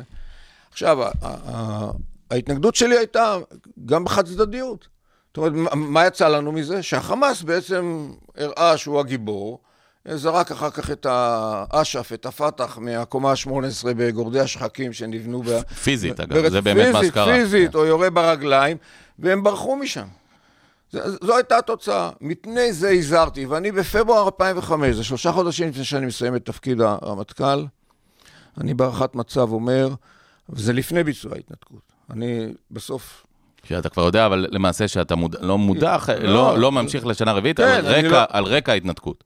אני מכין גם את הצבא לבצע, כי אני לא אהיה סרבן, ובסוף יש דרג מדיני במדינה שהממלכתיות בה חשובה, ודמוקרטיה וכולי, אבל שמחתי שלא נדרשתי לבצע את זה. בכל אופן, אני אומר, אחרי ההתנתקות, מצפון ומדרום תיפתח הרעה. ומה שקורה לנו אחר כך זה עליית החמאס, זה גלעד שליט, החטיפה שלו. זה מלחמת לבנון השנייה שלא הייתה פורצת אילולא הייתה התנתקות. ואני יכול להוכיח שבתקופתי, כשאני כל הזמן מדבר על נבוט מול טרור, נבוט מול איום, חיזבאללה. אני מקבל את חיזבאללה כרמטכ"ל ב-2002, שהוא עדיין משחק איתנו בהר דוב, יורה, כן, זה שבא, חוות שבא, יורה רקטות, מרגמות, יורה נ"מ, והנ"מ הזה גם הורג נער בן 16 בשלומי. כן. אני אומר, רבותיי, תהיה פה מדיניות שהם יעצרו, לא יעזור כלום. מצד שני, זו התנתקות גם חד צדדית מלבנון, כי לא היה עם מי לדבר אה, בחיזבאללה. בסדר, שם... ובאופן יחסי, אני לא חושב שאתה רוצה לחזור ללבנון. לא, אה, ממש- תכף ניגע במצב היום, לא, אבל... אה, האם אתה שואל אותי על נסיגה מלבנון, אני שואל את עצמי למה היינו שם 18 שנה, ואמרתי את זה כסמח"ט 35, שבשבוע האחרון שלנו שם ב, ב, ב, ל- למעבר, ב-86, לפני ה- 85, במאי, הפריסה מחדש. אה, פריסה מחדש, שבוע מדרום לפני ל- גמר הפריסה מחדש, אני נפצע בהיתקלות עם אה, מחבלי חיזבאללה, הרגנו אותם, להיות שקטים, אבל אה, לי ברור ש... מה אנחנו מחפשים שם? ולכן, כשאני כרמטכ"ל, אני אומר, אנחנו... ועוברות 14 שנה שאתה צריך כ- כס- כ- כקצין בכיר ל- ללכת להרבה אימהות ולהסביר להם שהילדים שלהם נהרגו בלבנון. אז אני שואל את עצמי אז, בדיון אז, אני לא הייתי סמח"ט, אבל ראיתי את ההסתובבות של שר הביטחון, של הרמטכ"ל, אלוף הפיקוד, מדברים על רצועת ביטחון. אני שאלתי שאלות, מה, מה זה ייתן לנו, רצועת הביטחון? בסדר, אפשר גם לדון בזה. לכן כשהייתה נסיגה מלבנון, אמרתי בואו נתחיל את הדיון למה היינו שם 18 שנה. מזה נתחיל את הדיון. בכל אופן, אה, כשאני בא להיות רמטכ"ל ב-2002, אני אומר, אנחנו ננקוט במדיניות שהייתה מתואמת עם שרון, שתגרום לרקטות של, רקטות שלהם להחליד. לא תיתן, אתה יודע, יש כאלה שלוקחים את זה מיד, השופרות שלו. אז זהו, תכף נדבר על זה. לא, אז אני אומר, תגרום, מה עשינו אז? הייתה מדיניות חכמה שהביאה לזה שתסתכלו על הנתונים. מה קרה, איך מתחילת תפקידי כרמטכ"ל, מספר התקריות שהחיזבאללה יוזם יורד לאפס, כך עד תום תקופת כהונתי. מתי הוא מחדש את זה? אחרי ההתנתקות, אני כבר לא שם. נובמבר 2005, הוא מנסה לבצע חטיפה ברג'ר. אצלי הוא לא ניסה לבצע חטיפה אפילו פעם אחת. למה? ש... כי אנחנו הרתענו אותו. מה הייתה המדיניות? איך- איך מרתיעים? אני אגיד לך, הוא יורה נגיד בהר דוב. אנחנו מיד משמידים את מה שירה עלינו, רקטות, לא משנה מה, ותוקפים עוד יעד בעומק. הוא משלם על זה מחיר. מיד. הדבר השני, לא פחות חשוב, החיזבאללה לא הוגדר כארגון טרור אפילו על ידי מדינות אירופה. היום כן, אגב. כן. כן, זו הייתה פעולה, מדינית דיפלומטית. כלומר, אנחנו מתקרבים ל-2023, 7 באוקטובר, מדיניות ההכלה, אתה בעצם מרמז פה למדיניות ההכלה. מדיניות ההכלה שבה אנחנו יושבים, ואיך אמרה מירי רגב, טפטופים על אשקלון, לא מעניין אף אחד. אנחנו מקבלים טפטופים, ואנחנו אומרים, אני לא מקבל טפטופים. יהיה בסדר. אני לא מקבל טפטופים, ושלא ינסו לחבר אותי להכלה. כי אז אנחנו יוצאים ל... אני אומר, אתה יוצא נגד, אתה אומר, בוודאי. אין, בוודאי. אין טפטופים, דין, שיצאתי, דין בלון תבערה. בדיוק, כמו שיצאתי, תכף נגיע לעזה. הביקורת שלי מבחוץ כבר, אני לא בתפקיד. אבל זה שאומר שר בממשלת ישראל, צריך, טוב, זה רק בלונים וזה רק אה, עפיפונים שמדליקים לנו את השדות. סליחה, הפרו את הריבונות שלך, איך אתה לא נותן על זה מכה? איך אתה עובר את זה לסדר היום? כלומר, אתה מכיר בזכותם להפר את ריבונותך? מה זה הדבר הזה? זה הכלה. ואז מעבר לתגובה הצבאית שהזכרתי כרגע מול חיזבאללה, אנחנו יוצאים למסע דיפלומטי מדיני בהובלת מנכ"ל משרד החוץ רון פוסאור, מתלווה אליו ערכת מחקר תת-אלוף יוסי קופרווסר, עוברים במדינות אירופה עם חומר, מדינה, מדינה, מדינה, לשכנע אותם להכניס את החיזבאללה לרשימת הטרור. וחיזבאללה אכפת לו, למה? הוא מחזיק כספים בחוץ, הוא מחזיק כספים בבנקים, ופתאום סוגרים לו את הברזים. אז זה המהלך השני. הזרוע השלישית של המדיניות לגרום לרקטות להחליט, כלומר שלא יתחשק להם להפעיל, הייתה בכלל פנים לבנונית. מתעורר ויכוח בלבנון, הוא קיים דרך אגב עד היום, רק צריך לדעת להזין אותו. קוראים לו לובנן ללובננים, לבנון ללבנונים. למה אנחנו הלבנונים צריכים להקריב את חיינו פעם בשביל פלסטינאים, פעם בשביל איראנים? מדינת חסות שיעית. זה, אז, אבל יש איזו התנגדות, אז קמים שם קולות, כולל בתקשורת, שיוצאים נגד זה. וזה גם מקשה על חיזבאללה, הוא בסוף רוצה להיות גם מפלגה, ורוצה להיות אחיזה בשלטון. יש פה שלושה צירים שלוחצים אותו. האחד בשטח שהוא חוטף על כל פרובוקציה, השני זה הדיפלומטי-מדיני שלוחץ עליו בזירה הבינלאומית, והשלישי הוא פנימי. אגב, אנחנו נחזור, אני. אני רוצה שנחזור לזה תכף, כי אין מעשה מדיני בלי מעשה צבאי, אין מעשה צבאי בלי מעשה מדיני. כלומר, אנחנו רואים ש, שהמחשבה הזאת שרק כוח, או רק דיפלומטיה, או רק... זה לא יעבוד. וזה גם לא יעבוד עכשיו. בדיוק, זה הערה קונקרטית, מאוד אקטואלית. טוב, בקיצור, לכן אני כל הזמן מחפש, מתוך ההבנה העמוקה של איך הצד השני חושב, כך למדתי. ואתה כן מבין את מגבלות הכוח, כמי שאחז בכוח ומושכות הכוח הזה הרבה שנים. חד משמעית. אם אתה רוצה בסופו של דבר להתקיים במזרח התיכון, אתה צריך לדעת להחזיק נבוט עבה, בלי זה אתה לא מתקיים כאן. להפעיל אותו בהתאם לצורך באופן מדוד, הוא לא פותר כל בעיה. מצד שני, גם לחפש את ההסדרים, את השותפים, את האינטרסים המשותפים, וגם את הגזרים למיניהם. לי היה ברור למשל של מול האוכלוסייה הפלסטינאית ביהודה ושומרון, אני אלחם בטרור בכל הנחישות, ומצד שני, אני רוצה שהם יחיו בכבוד וברווחה, כי לא אדחוק אותם להיות uh, מתאבדים. אה, בשלבים מסוימים, אותה ג'נין, שאתה מאוד מזוהה איתה, אגב, נגיד פה בסוגריים, אחת השמועות הייתה ש, שאתה היית אחד ההרוגים באותו יום. אותו יום של קק"ל בג'נין, יום השואה, נקרא גם ברשתות כיום השמועה, תחילת הרשתות החברתיות, ואחד הדברים אמרו שמסוכו של סגן הרמטכ"ל התרסק בג'נין. לשמחתנו, אתה פה איתנו. לשמחתו של אשתי, כן. מה, אשתי עברה חוויה באותו יום. אני בטוח. כי היא הסתובבה איפשהו בחנות, והיא שומעת נשים מדברות שסגן הרמטכ"ל נהרג. טוב, היא... זה בחור... פשט כמו אש בשדה קוצים. כן, היא חזקה וכולי, היא עשתה את הדבר הנכון, התקשרה לנהג שלי. אתה לא היית בג'נין. הייתי בג'נין. אה, היית בג'נין? פיזית יומיים, היית בג'נין? הייתי באותו יום גם בג'נין, מאחר והיו שם קשיים בלחימה של חטיבה של החמה שם, דברים לא זזו. יש שם כוח שייטת, הייתה שם חטיבה. כן, אז אני כמעט כל יומיים הייתי, הייתי מגיע... כלומר, באמת, יש איזשהו רב סרן שמועתי התבסס על איזה... כן, זה שאני מגיע לג'נין, הגעתי כל יומיים בקרבות. אז אנחנו קודם כל שמחים שבכל זאת לא כולם שמחים, אבל... איתנו, לא כולם, עברו 21 שנה מאז. אבל אני, אני כן רוצה לחבר, בעצם אנחנו מגיעים אחרי כל הסיפור הזה לעסקת גלעד שליט, שהממשלה מאשרת, ואתה אחד משלושת השרים ש, שמתנגדים. באופן ברור, אתה כאילו הסמן השמאלני ביותר שמתנגד, כלומר, אתה לא... עזוב שמאלני, ימני, זה לא... אני מתכוון, נדמה לי, השר עוד ליברמן, ואני לא זוכר מי השר השלישי. עוזי לנדאו. עוזי לנדאו, כלומר, מבין שלושתם, אתה פחות איש ליכוד מהבית, נגיד ככה, ואתה מתנגד באופן נחרץ, אתה משנה לראש הממשלה, שר לעניינים אסטרטגיים, ואתה אומר לא. נכון. ותסביר. תראה, כשרוצים... אגב, אתה לא היחיד שהתנגד, אתה היחיד ש... אתה לא, לא רק השלושה האלה התנגדו, אבל אתם הייתם השלושה שהצביעו נגד, שבאמת עמדתם בזה. תראה, כשמדברים על זרע הפורענות של שבת השחורה, אני הולך להתנתקות ואני הולך לעסקת גלעד שליט. שיהיה ברור, כשמדברים באמת על הפקת לקחים, צריך להסתכל על שני האירועים הללו. עכשיו, עסקת גלעד שליט, לי היה ברור שעסקת ג'יבריל זה האירוע המכונן שמביא את הצד השני להבין שכדאי לחטוף. זה היה זרע הפורענות לאינתיפאדה. הרי הוועדות העממיות שיוצאות האינתיפאדה ופורצות בה ב-87, זה אלה ששוחררו בעסקת ג'יבריל כן. ב-85. עד אז מדינת ישראל על פיגוע מיקוח גם טסה לאנטבה. אני השתתפתי בכאילו במשגב עם. היינו מוכנים להקריב בשביל למנוע כניעה לטרור. ופה פתאום אנחנו נכנעים. ואני, ואני, אה, כשזה מגיע לעסקת שליט, ואני מבין מה המונח על הכף, בסופו של דבר שוחררו 1,027 מחבלים, בראשם יחיא סינואר, כן? אז אה, אני אומר, רבותיי, זה מחיר כבד שאנחנו עוד נשלם עליו, מחיר עצום. נועם שליט, זכרו לברכה, אבא של גלעד, בא לדבר איתי, כי הוא ידע שאני מתנגד, לשכנע אותי, ואמרתי לו, תראה, אני אגיד לך בכנות, אני הולך להצביע נגד.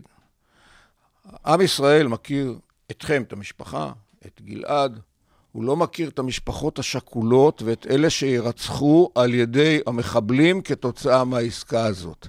וזה לא יהיה אחד. אז יש לנו כבר 1,400, יש לנו בדרך עוד עשרות שנרצחו. ואתה הולך לראש הממשלה? ודאי, ודאי. ומה אתה אומר לו? לא, ראש הממשלה הכיר את דעתי, הוא ניסה לשכנע אותי, הבין שזה חסר סיכוי, ובסוף אני מצביע, מצביע נגד. ולכן פה גם, כשאנחנו מסתכלים... למה. ראש הממשלה הולך לעסקה הזאת? היו דיבורים שונים, מחאת האוהלים באותה תקופה, צורך פוליטי, כן. צורך אחר. אני מעריך שזה צורך פוליטי. המחאה שהייתה... ואתה נשאר איתו, אבל, בשלב הזה. כן, אני נשאר, זה לא, תשמע. למרות. שציניות, אה, מופגנת פה ציניות, אה, אתה מדבר על שרון שהלך להתנתקות אה, מסיבות שונות, אתה מדבר על... תראה, הדילמה... על נתניהו שהלך לעסקת שליט מסיבות שאולי לא כולן ענייניות. זה הפוליטיקה לצערי, אני לא שם. לכן אומרים שאני לא פוליטיקאי. אבל אני, אני אומר, אני לא פוליטיקאי, ואני שמח על הבחמה. הבטחתי גם קצת להקשות עליך היום. אני, אני, אני אבל שמח... אתה נשאר שם, וב-2013 כן, אתה גם אני... ממונה לשר ביטחון תחת אני... אותו נתניהו. כן, נכון, אני, להפך, אני אומר, אני, אני חייב להיות שם. עם, עם, עם מה שאני uh, חושב ו, ו, ורוצה ליישם, אני חייב להיות שם. הדילמות היותר קשות, להישאר איתו או לא להישאר איתו, מתחילות אחרי הבחירות של 2015, נכון, זה עניין אחר. שזה כבר הקצנה כן, אחרת, ונדבר, וההצטרפות של המשפחה. אבל פה יותר... אתה מבין שבסוף החלטות מתקבלות בפוליטיקה הישראלית בקואליציה. אז, אז לפחות אני אהיה בעמדה, אני שר ביטחון, אני אשפיע, אני אמנע תקלות מהסוג הזה, ככל האפשר. עד שאני מבין שאני כבר לא יכול ואני מתפטר. לכן, זו דילמה, והשאלה היא במקומה, לא כל דבר. כמו הסרגל שאתה אתה גם מתפטר מהכנסת, שבדיעבד טעות קשה, אבל אחרי זה... לא, לא, לא, לא טעות קשה. אני גם מתפטר מהליכוד אחר כך. כן. אני מבין שאין לי מה לחפש שם. היום לא נהוג להחזיר מנדט כל כך מהר. אה. אני לא מחפש כיסא עד היום, לא חיפשתי אז. זה אחת היתרונות שלי, שאני לא... אה, אני מנווט לפי מצפן, לא לפי שבשבת רוחות. אני לא עושה סקרים בשביל לקבל החלטה. בסדר? נשים את זה כך. אה, וזה מחבר אותנו מצוין לשליט. זאת אומרת, החלטה שמתקבל מלחץ ציבורי. אגב, אותו לחץ של אה, משפחתו של יוסקה גרוף, של אימו, בעסקת ג'יבריל, אנחנו בתמונת ראי די מדויקת. ברור, ברור. אגב, אותו לחץ גם שמביא את חזרתו של אלחנן טננבום, שהוא סוחר סמים. שם היה פחות לחץ. אבל שם שרון, יאמר לזכותו, אומר, אני לא אשאיר אותו בידי... אה, ואני תומך בזה. אני אז רמטכ"ל, אני תומך ב... מה ההבדל? במה? חוזר... אה, לא, אבל מה שחררנו אז? חוזרים, אה, מי? חוזרים לא מעט. סמיר קונטר? כן. איפה הוא עכשיו? אבל זה... עלי רחמו. לא. אגב, חזר אבל כגיבור. הכל בסדר. אני גם אומר עכשיו, אלה שיש לנו חשבונות איתם, אני מזכיר את מינכן. היו כאלה שהלכו לעולמם אחרי 19 שנים. לכן אתה, עכשיו, זה לא, אז זה לא, אז זה לא היה, אני, הייתה חריגה מבחינת מה שאני ראיתי בעיני רוחי כעסקה, שהוא שחרר פלסטינאים, אבל די, זה כבר היה מעשה עשוי. לא, אבל מה ההבדל בין אותה עסקת uh, טננבוים שחוזר, רגב וגולדווסר, גם תמורת לא מעט אסירים, uh, כמובן חוזרות גופות, uh, חוץ מאלחנן טננבוים, כולם חוזרים כגופה, ואחרי זה שליט כחייל חי. תמורת 1,027 מחבלים. 1,027 מחבלים שהם יהיו התשתית שאנחנו מתמודדים איתה עכשיו. זה העניין. אה, שאני רוצה עכשיו... לשאול אותך רגע. לא, אה, המחיר בעיניך וזה נורא חשוב להגיד, שמעתי את אה, פרופסור מררי, שהיה אחד מאנשי צוות משא ומתן עוד בשנות ה-70 וה-80, הוא אומר, המחיר הוא אחד לאחד, אחד לשניים. הנה, למשל. אה, כלומר, זה לא שאם זה היה 500 מחבלים, אתה אומר, טוב, בסדר. או... לא, לא, לא. המחיר הוא אחד לאחד, אחד לשניים, אחד יעוז, לארבעה. הייתה ועדה, לא אני יזמתי את הקמתה, ועדת שמגר, שמתוך הבנה שבעצם המדיניות שלנו היא מסוכנת, הכניעה הזאת לטרור ושחרור 1,027 מחבלים בגין שחרורו של אה, גלעד שליט. הוועדה הזו הוקמה, ואני העדתי בפניה, אני יודע פחות או יותר את אה, מסקנותיה. לצערי, את מסקנותיה לא הביאו לקבינט הישראלי, ואני חושב גם היום, המסקנות האלה צריכות לבוא לאישור הקבינט ולהיות מפורסמות, שהצד השני, שאנחנו גמרנו להיסחט. זה המדיניות האמריקאית. אין משא ומתן, יש חילופי שבויים הוגנים, אולי, או אחד. לאחד וכולי וכולי, גופה תמורת גופה וכן הלאה וכן הלאה וכן הלאה. אני מעריך שזה פחות כפי. שהיה למשל את גופתו של הבן של נסראללה, תמורת גופתו של איתמר איליה אה, וכולי. למשל, למשל, אנחנו במקום אחר, וכתוצאה מזה החטיפה הופכת להיות כלי מרכזי אצלם. כלי מרכזי.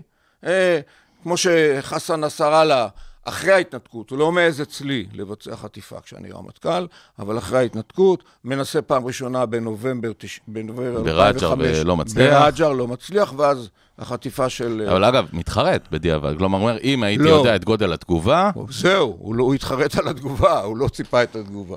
לא חשוב, זה, זה, זה ברור שמבחינה הזאת טוב להבין אותו ולקרוא אותו, זה אחד האתגרים לאנשי מודיעין. אגע בזה תכף לגבי המחדל של זה, שבת עכשיו השחורה. אנחנו נגיע, אנחנו מגיעים, כן. הש... אבל פה ברור לחלוטין שחלק מה שהגענו אליו ב, ב, בשבת השחורה, זרע הפורענות נזרע קודם. הזרע היותר משמעותי קורה ב-2018. אני, אחרי צוק איתן, שר ביטחון בצוק איתן, בעצם, ב-2018 אתה כבר בחוץ. אני בעצם. בחוץ, אבל התפרטרתי ב-2016, מאי 2016. אני עוזב את תפקיד שר הביטחון כשהחמאס לא יורה כדור אחד, כדור, לא ת- רקטה, לשטחנו. בין, ו- בין צוק איתן לבין אותה לבין התפטרות מרץ שלך. 18. ובעצם, אם מישהו יורה, נגיד הג'יהאד האיסלאמי ירה, החמאס מיד מתנפל עליו, והתגובה שלנו היא תגובה כמדיניות. הג'יהאד האיסלאמי יחטוף בגלל שהוא ירה, החמאס בגלל שהוא לא מנע. זו המדיניות. לא הכלה ולא כלומר, בטיח. החמאס כ- כגוף שולט, לצורך העניין, כמו ממשלת לבנון, מורידים תשתיות לממשלת לבנון, אתם אחראים על חיזבאללה. יש אינטרס ויתרון שבצד השני יש לך גוף אחד אחראי. במקרה הזה ברצועת עזה, הם בבחירתם, החמאס. אגב, צריך להגיד, גם בזכות ההתנתקות, שאומנם יצאת נגדה, יש גוף שהוא באזור סטרילי, כלל סטרילי, הכוונה אין בו תושבים ישראלים, אין בו, אה, אין בו צבא, אזור שהוא לגמרי מדינת טרור מגודרת וברורה. יפה, אבל יש רקטות על תל אביב, על ירושלים, על חיפה, אפילו עד אילת מגיעים. כן. אה, בסדר, אתה, אי אפשר ל- תראה, לדבר אפילו, פה. אפילו מתימן המאזן- מגיעים היום. אז אה, זה לא, כן. בסדר, לדבר מהרצועה. המאזן פה, וברור לחלוטין שאין דומה המצב בעזה למצב ביהודה ושומרון. אבל זה לא מקל עליך, אגב, אני כן רוצה שנייה להקשות עליך, ב-2014, שאתה שר הביטחון של צוק איתן, בני גנץ רמטכ"ל, אה, אתם הולכים בעצם לצוק איתן, למול רצועה שהיא סטרילית. אתם לא צריכים לדאוג לגוש קטיף, ולא לנצרים, ולא ליהודים, ולא לצירים, אתם נלחמים באויב, כמו תראה- שנלחמת אתה במצרים לפני, ו- אה, לפני 50 שנה. בדיוק. ועד אז היהודים היו מפוזרים בשכונות בעיר עזה, היו מרוכזים בגוש קטיף, היו בתוחמת הצפונית, היו בנצרים, בכפר דרום. אגב, אני פותח סוגריים, אם, אם היהודים היו בגוש קטיף בשביעי לעשירי, התוצאות היו יכולות להיות קשות תראה, יותר. אה, או להפך, אולי דווקא הנוכחות של... זה כמו, תראה, יצאנו משטחי יהודה ושומרון בעקבות אוסלו. מה קרה לנו? פיגועי התאבדות קשים. עד שחזרנו, בעצם היום אנחנו, בניגוד לאוסלו, קנינו חופש פעולה כן. להיכנס לשטחי A, מה שנמנענו לפני חומת מגן. בג'נין, בשכם, על כל ידיעה של, של מחבל. אז יצאנו ושילמנו מחיר פיגועי התאבדות. זה אפשר, צריך להסתכל על, על, על המכלול, לא על, על צד אחד. השאלה אם החצי הריון הזה, זאת אומרת, אנחנו קצת בפנים, אנחנו קצת בחוץ, אנחנו קצת שם, אנחנו קצת לא שם. גם, גם, גם אתה, אגב, כ- כ- כאיש שהרבה שנים גם טיפל לא רק באסטרטגיה, אלא גם בטקטיקה, כלומר, ב- ב- בכוחות הפועלים, ברור זה- שזה יותר זה עושה את נוח. החיים מסובכים מאוד. בוא, תראה, שאלתי פה מישהו בכנס הרצליה, כש- אחרי ששרון יצא עם ההכרזה שלו, אתה כרמטכ"ל, אתה משקיע גדוד להגן על נצרים. לא יותר פשוט שנוציא את התושבים של נצרים החוצה ותחסוך את הגדוד? אמרתי, אני אחסוך גדוד, אבל אני צריך להשקיע באוגדות שתצטרכנה להיכנס ולצאת לעזה. לא? אתה לא יכול להסתכל על זה באופן חד-ממדי. וברור שיותר נוח להגן על קווים ישרים, לא מפותלים, לא צריך להגן גם על גוש יש קטיף. גם משהו, אתה יודע, מערבי, למרות שאנחנו לא שוודיה, בזה שמדינה מגנה על עצמה מתוך גבולותיה. כלומר, הישיבה כל הזמן בעומק ה... מה מה זה באזור בעומק? האויב, היא, היא, אלה לא, היו הגבולות. היא לא קלה, היא לא, היא לא, היא לא טובה. היא לא... גוש, קט... גוש קטיף לא הוקם על הפקעת קרקע פלסטינית, זה היה על הפרחת שממה כתפיסה של תנועת העבודה. לא, אני לא מדבר על זה, אני מדבר, לא. ב- בסוף- סוף- סופו של דבר הוא היה תקוע ב- ב- באזור שקשה להגן עליו, מדינת ישראל תקועה במזרח התיכון. שזה גם לא קל, גם לא קל. אז מה אני אעשה? כן. כן, שכונה קשה. אז רגע, בוא נדבר על, באמת, יש לנו מצד אחד את החמאס, שהוא אויב מר ואכזר, מצד שני את אה, אש"ף, נקרא לזה, את הרשות שהיא בן ברית לא מהמשובחים, אבל איזשהו בן ברית כלשהו, לא יודע, נניח, ואנחנו בעצם מאיזשהו שלב, אני רוצה שתשים לי את האצבע על זה, אמרת 2018, מחזקים באופן מובהק את החמאס, על מנת שלא נצטרך להגיע לאיזשהו, בעצם המשא ומתן עם אבו מאזן נזנח לחלוטין. אני מניח שאתה כן ישבת עם אבו מאזן מספר פעמים, אתה מכיר אותו. אה, אתה בטח לא מאוהדיו, אבל כן יש את יתרונותיו, למשל מול יחיא סינואר. ואנחנו הולכים למסלול הזה של החלשת, ה... שוב, לא נקרא לזה החבר, החלשת הגוף היותר ידידותי וחיזוק האויב. אתה אומר, אנחנו הולכים, אני לא. לא מדינת הייתי שם. ישראל, אנחנו לא, כולנו כי פה. עכשיו מדברים, הרי כחלק מהבריחה מאחריות זה להפיל את הכל על הצבא ועל השב"כ ועל הקודמים. יש כן. כבר מי שכותבים מאמרים, שופרות שכותבים מאמרים, על הקונספציה ששותפים לה ומדביקים את שמי. טוב, לא הגיעו כבר עד בן גוריון, אתה יכול להיות רגוע, הכל בסדר. הרצל. אם כן. הרצל לא היה מקים, עושה את הקונגרס הציוני בבאזל ב-1897, לא הייתה בעיה היום. טוב, בכל אופן, אני לא מכיר אפילו אצל נתניהו, ואני עבדתי איתו צמוד מ-2009 ועד התפטרותי. שבע שנים ב-2006. ארוכות, כן, חבר הקבינט. לא זוכר אמירה כזאת, החמאס הוא נכס והרשות היא נטל.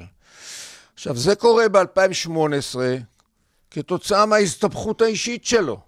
הוא צריך עכשיו את סמוטריץ' ואת בן גביר, שתפיסתם היא כזאת. זה המצאה שלהם, והוא מאמץ את זה, כדי לבנות איתם אחר כך גם את הקואליציה וכולי וכולי, וללכת איתם יד ביד, מבחינתו, כדי לשרוד אישית. אין פה שום הסבר אחר, אני לא מכיר את זה אצלו. עכשיו, לה- להגיד שגוף שהוא ג'יהאדיסטי, לצורך העניין, אסלאמי, פנאטי, דתי, אתה מעדיף אותו על פני רשות עם כל המגבלות והמגרעות שלה, ואני יכול להיות כאן הקטגור, התובע של, של אבו מאזן כן. במשפטו.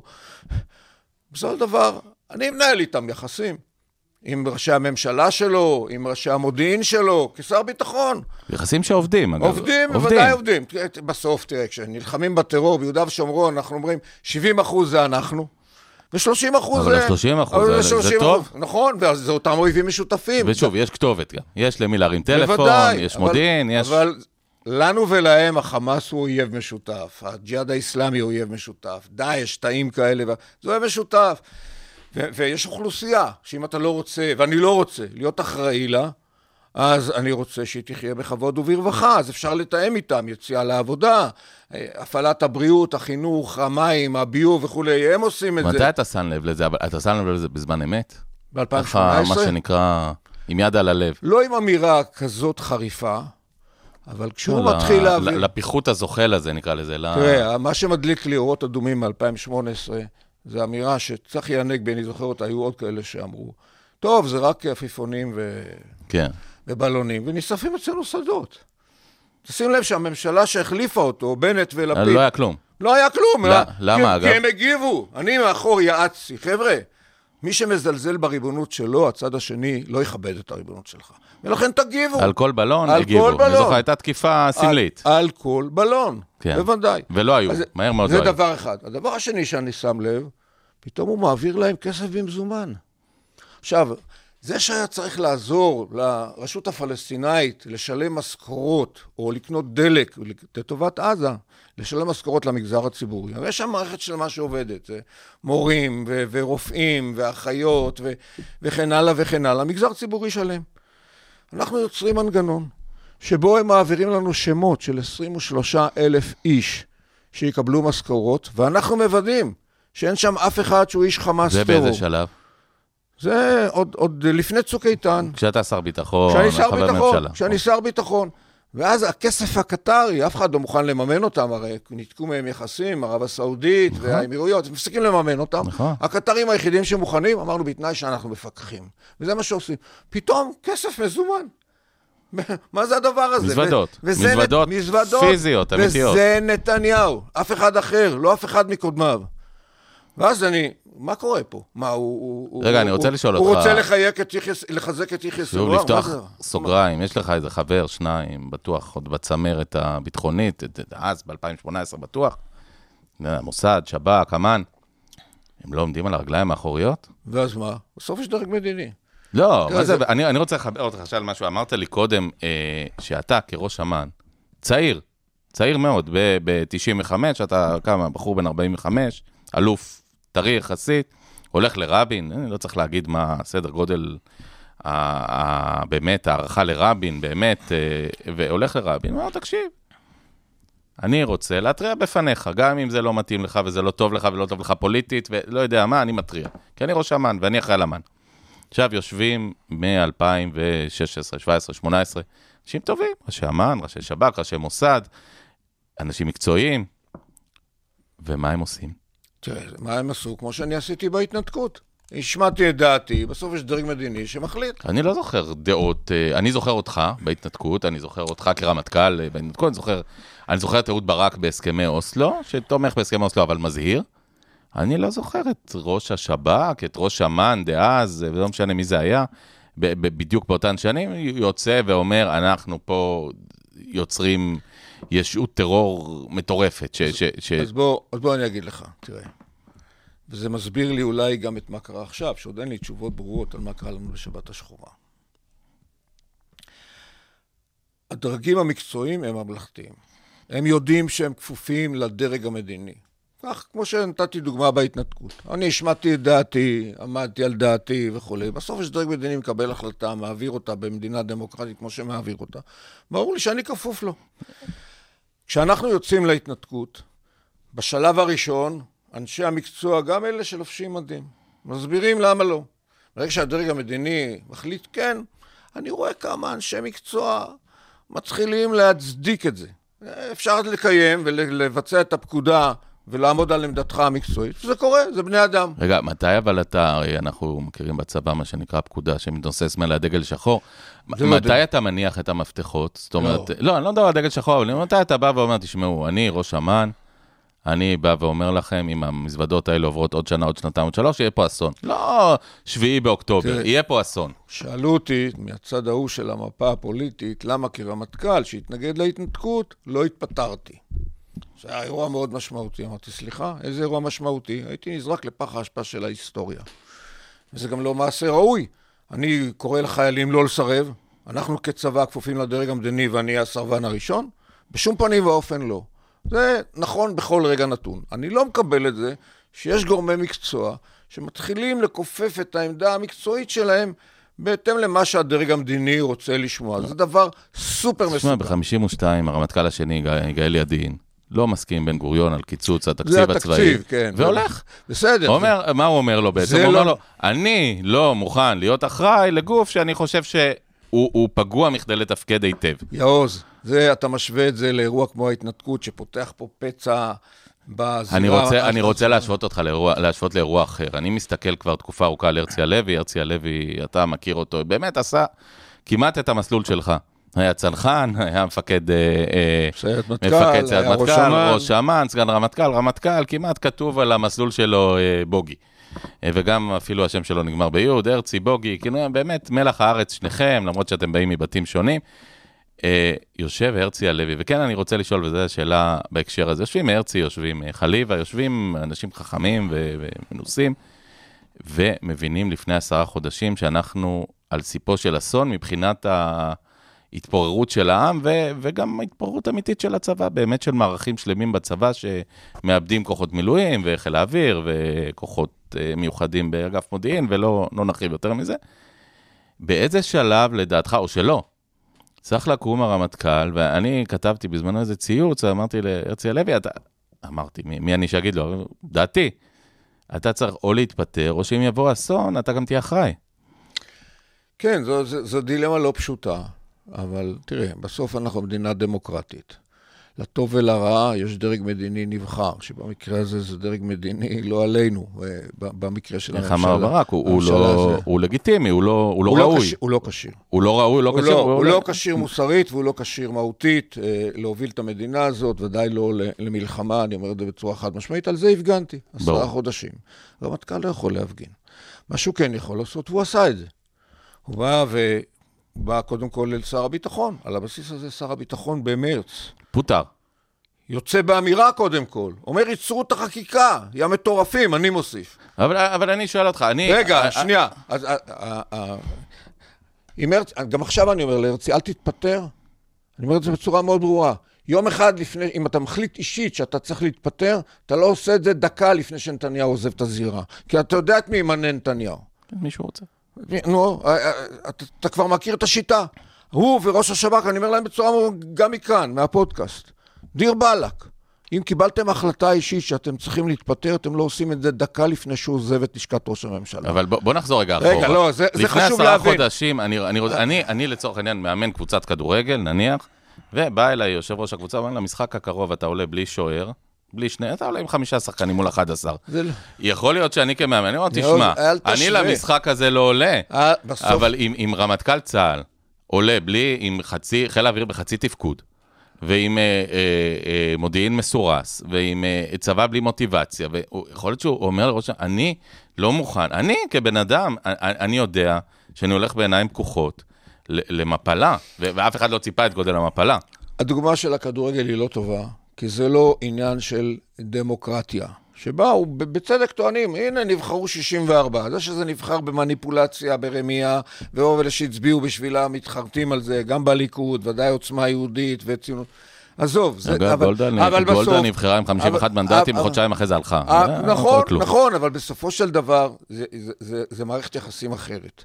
בין דרג מדיני שנבחר באופן דמוקרטי, לבין דרג צבאי שהוא הדרג המקצועי. מה היכולות אבל של רמטכ"ל, חוץ מנאומים מרמזים, ושוב, היית רמטכ"ל, אתה באמת, כרמטכ"ל היית משרת ציבור ב-100% ממלכתי, לקום ולהתריע בצורה ש, שבאמת תגיע, לא, לא בצורה עדינה אולי לפעמים. תראה, אם הייתה פה הנהגה סבירה, ההתראה של שר הביטחון לא הייתה מביאה לפיטורם, אלא הייתה מביאה לעצירת החקיקה שהיא הפיכה משטרית. אם הייתה פה הנהגה סבירה, ראש ממשלה לא היה מונע מהרמטכ"ל ומאנשיו, אחרי ארבעה מכתבים שהם שולחים ומתריעים מפני האיום הביטחוני שנובע מהחקיקה, מונע מהם להגיע אחרי שהם באים לקבינט. ב-24 ביולי ומתחננים לדבר עם השרים, ו... לפני, לפני. החקיקה של עילת הסבירות, ולא נותנים להם. אתה מבין במה מדובר. אז כל האחריות והאשמה היא על הדרג המדיני ההזוי הזה, ולא על האנשים האלה שממשיכים להתנהג באופן ממלכתי. אני לא מקנא בהם. והם נוסעים עכשיו... אבל אין, אין שלב שבו אתה אומר, אני, אני, אני, אני, זה- אני שובר את הכלא, אני לא יכול, אני מבין שאני הולך למפלה. ו- ואז מה? אתה אומר לי לא כדורגל, אבל אתה לא עולה למשחק כדורגל ש- ואז שאתה מה, אז יודע הוא שאתה ימנה את. מי שהוא רוצה כרמטכ"ל וכראש שב"כ ואנחנו נסתבך עוד יותר? יש לך תפקיד כרמטכ"ל שנבחר מתוך uh, באמת ראייה מקצועית שאתה הכי טוב, ועכשיו אתה תזוז הצידה וימנו מישהו שהוא אומר הן, כשיטת הבחירה של או, או, ש, נתניהו. או שההלם שלך יעשה את הת... ההלם יביא את התוצאה אה, זה יביא הרצויה. את התוצאה, מה, יש לו 64, הוא כל הזמן אומר את זה. כן. והחבורה ההזויה הזאת, הרי אין שם אנשים עם איזושהי אחריות. אנשי הליכוד הפכו להיות לשפנים, כבשים, שותקות, פועות. אה, מבחינת סמוטריץ' ובן גביר זה מימוש חלומות חייהם. גם מבחינת החרדים, מקבלים פה כסף כמה שהם רוצים. אבל סמוטריץ' ובן גביר, פה צריך להבין, אני חייב את זה להדגיש. תראו, הוויכוח כרגע במדינת ישראל הוא קריטי. אנחנו בצומת קריטית. מהבחינה הזאת שאנחנו מכאן יכולים לחזור אל מה שהיינו כשהמדינה הוקמה, כמדינה יהודית ודמוקרטית ברוח מגילת העצמאות, או לסטות להיות מדינה שהיא תהיה דיקטטורה, זה מה שהוא רוצה, קנאית, משיחית, גזענית, מושחתת גם, אה, אה, אה, מצורעת כתוצאה מזה בעולם. זו הצומת שאנחנו נמצאים בה.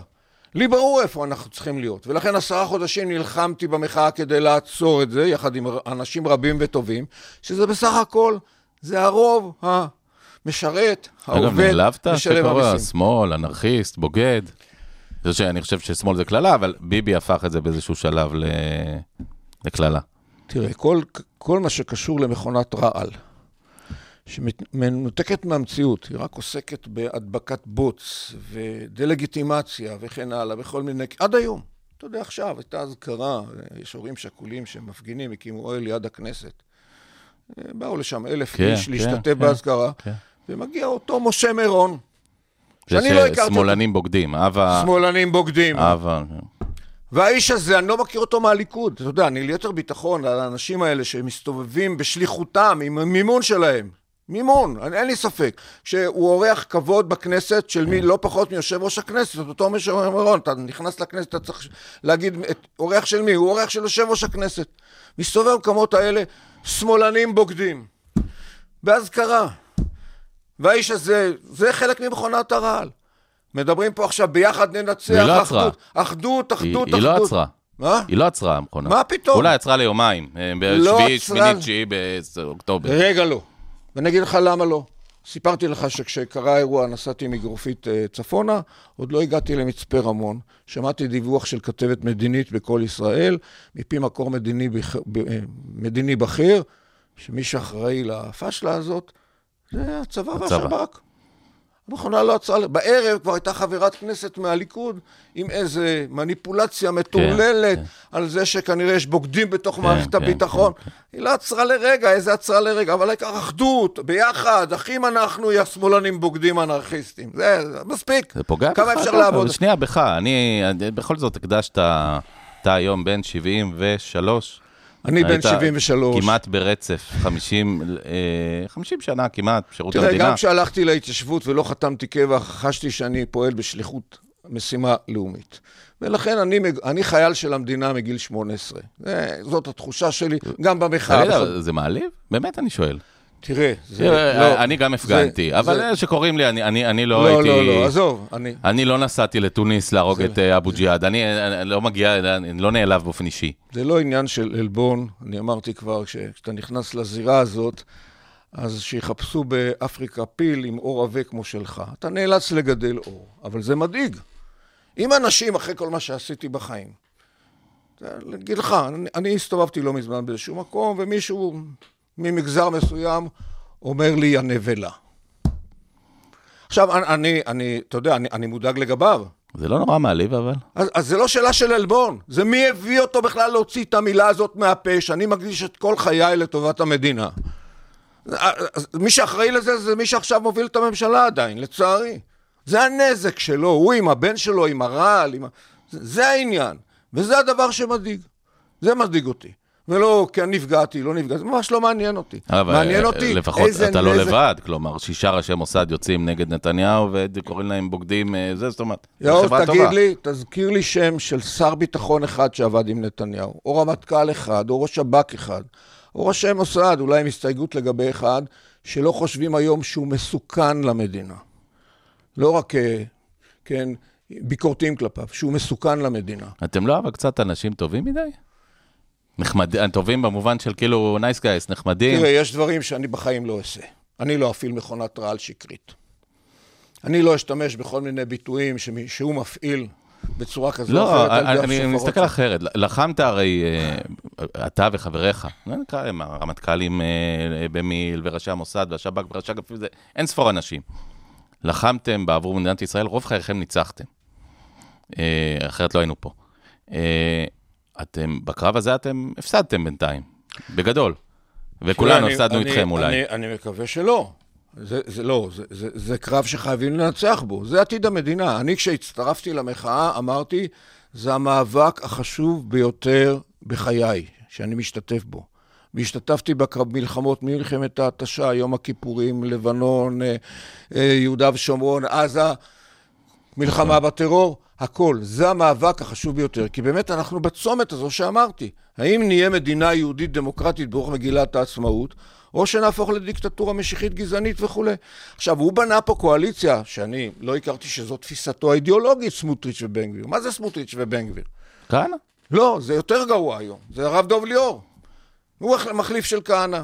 הרב דוב ליאור הוא הרב שעל פי הרב יואל בן נון הוציא את, את פסק הדין, כן, ברבין. דין רודף לרבין, יחד עם עוד רב שירד למחתרת. ונחקר, נחקר, אגב, בחלביות ושוחרר באותו אירוע. הוא הרב של המחתרת היהודית שהתכוונה להדליק מלחמת גוג ומגוג במזרח התיכון, לא רק על ידי פיצוץ אוטובוסים במזרח ירושלים, על ידי פיצוץ כיפת הסלע כן, בהר הסלע. הבית. הוא הרב של בר גולדשטיין, שהוא כותב לו הקדשה בתורת המלך. כן. זה לא הלך בהר הבית, אז הולכים למערת המכפלה, הצליח חלקית, פיגועי התאבדות, אז היו בעקבות... אה, אה, הוא אמר... התחילו רק אחרי, צריך להזכיר גם, יגאל עמיר, אחרי שהוא נכח בהלוויה של בר קולצ'ון, קיבל את ההשראה, ל... לא בהלוויה, באזכרה. אה, ואחר כך, תראה, את כל- האירועים הקשים שאנחנו עוברים... והחבר'ה האלה, אבל היום יושבים בכיסא שלך. זה- כמעט פיזי. מי יושיב אותם שם? אני ואתה יודעים. אבל- אה, אז, אז, אז מה קרה כאן? אז יגידו, טוב, לא הייתה לו ברירה, הוא לא יכול להרכיב קואליציה אחרת. סליחה, אין טובת המדינה, רק הישרדותך האישית, זה מה שאתם אומרים לי. אם אתה לא מצליח להרכיב קואליציה שפויה, שהולכת בדרך שז'בוטינסקי האמין בה, שבן גוריון כמובן האמין בה וכן הלאה, אתה שם בכיסאות הללו את אלה שהולכים בדרכו של הרב דוב ליאור, והופכים אותנו גם למדינה מצורעת. י- עכשיו, מה הפלא שגלנט... יגיד כבר- נתניהו, ואני האחרון שייצג אותו, אני כמעט מתבייש בזה, אבל זה המצב. בפודקאסט הזה, הצעתי לכם להצטרף. אתה, בוגי, אתה לא למי רוצה... הוא הציע אתה? לא רוצה לשבת? אה, למי הוא הציע להצטרף? תגיד לי מתי הוא הציע למישהו הצעתי להצטרף. לכם, יכולתם לבוא לאחדות, יכולתם כל מיני דברים עוד מזמן. אתה לא רוצה אה, לשבת? לא, לא, אז- לא אז. בן גביר יושב. באמת? למי הוא הציע? אני כבר לא הייתי בזירה הפוליטית, הוא הציע לגנץ ולפיד להצטרף. הוא בנה קואליציה מראש. אני מזהה את זה כבר מ-2017. כשהוא הבין שמנדלבליט נאלץ להגיש נגדו כתבי אישום, הוא קודם כל מוותר על מתווה הכותל והגיור, שזה מתווים שהוא בממשלה. בראשותו. שרנסקי עשה את מתווה הכותל, ומשה ניסים מטעמו עשה את מתווה הגיור, הצבענו על זה בממשלה. הוא מבטל, אמרתי, וואי, וואי, וואי. הוא מבין שמנדלבליט נאלץ להגיש נגדו כתבי אישום, והוא צריך את החרדים, החרדים איתו בשותפות, כי הם לא רוצים את בג"ץ. הוא לא רוצה כמובן את בג"ץ בגלל ההסתבכויות האישיות יש שלו. פה מפגש אינטרסים של, ברור, של הוא- גופים הוא שלא לא- כולם אולי הוא בעד לא- מדינת הוא לא ישראל. לגיטימיים. זה לא לגיטימי. ואז, אחרי זה הוא גם בונה את סמוטריץ' ובן גביר. הוא בונה את הקואליציה מראש, על איך לא יפסידו קולות וכן הלאה. מחבר אותם, הולך לרב אה, של אבי מעוז, שברח לשמוע. מתי, מתי האידיאולוגיה שלו הייתה סמוטריץ' ובן גביר, שהיא אידיאולוגיה מאוד מאוד מסוכנת. זה החמאס נכס והרשות נטל, זה באחריותו. תגיד, אתה היית ראש אמ"ן איזה יומיים וחצי, קצת מבין משהו במודיעין, אה, אולי לא במודיעין פנימי. איך אתה צופה את המהלכים של נתניהו והממשלה? אני מדבר עכשיו מבחינה פוליטית, וזה המעט שנדבר פוליטית. אה, מכאן, זאת אומרת, איזה תסריט, אתה יודע, אנשים הרבה אומרים לי, חברים, ואני אני הרבה שנים מפגין נגד נתניהו, צריך להגיד את האמת. אה, אומרים לי, הוא הולך. אה, זה נגמר, הוא הולך, הוא הולך, ייקח זמן, הוא הולך. ואני אני, אני אמרתי איזשהו משהו, אמרתי, להגיד שהוא הולך זה כמו להגיד שפוטין, אחרי שהוא נכשל באיזה קרב באוקראינה, אז, אז הוא ילך. הוא לא ילך, פוטין לא ילך, וביבי לא ילך מרצונו. באיזה איזה תסריט אתה רואה, אם בכלל, ש, שבו הוא משתנה, משתנה משרת, אה, משתנה נושא משרת ראש הממשלה בישראל? קודם כל, זה חייב לקרות. זה היה צריך לקרות כבר מזמן.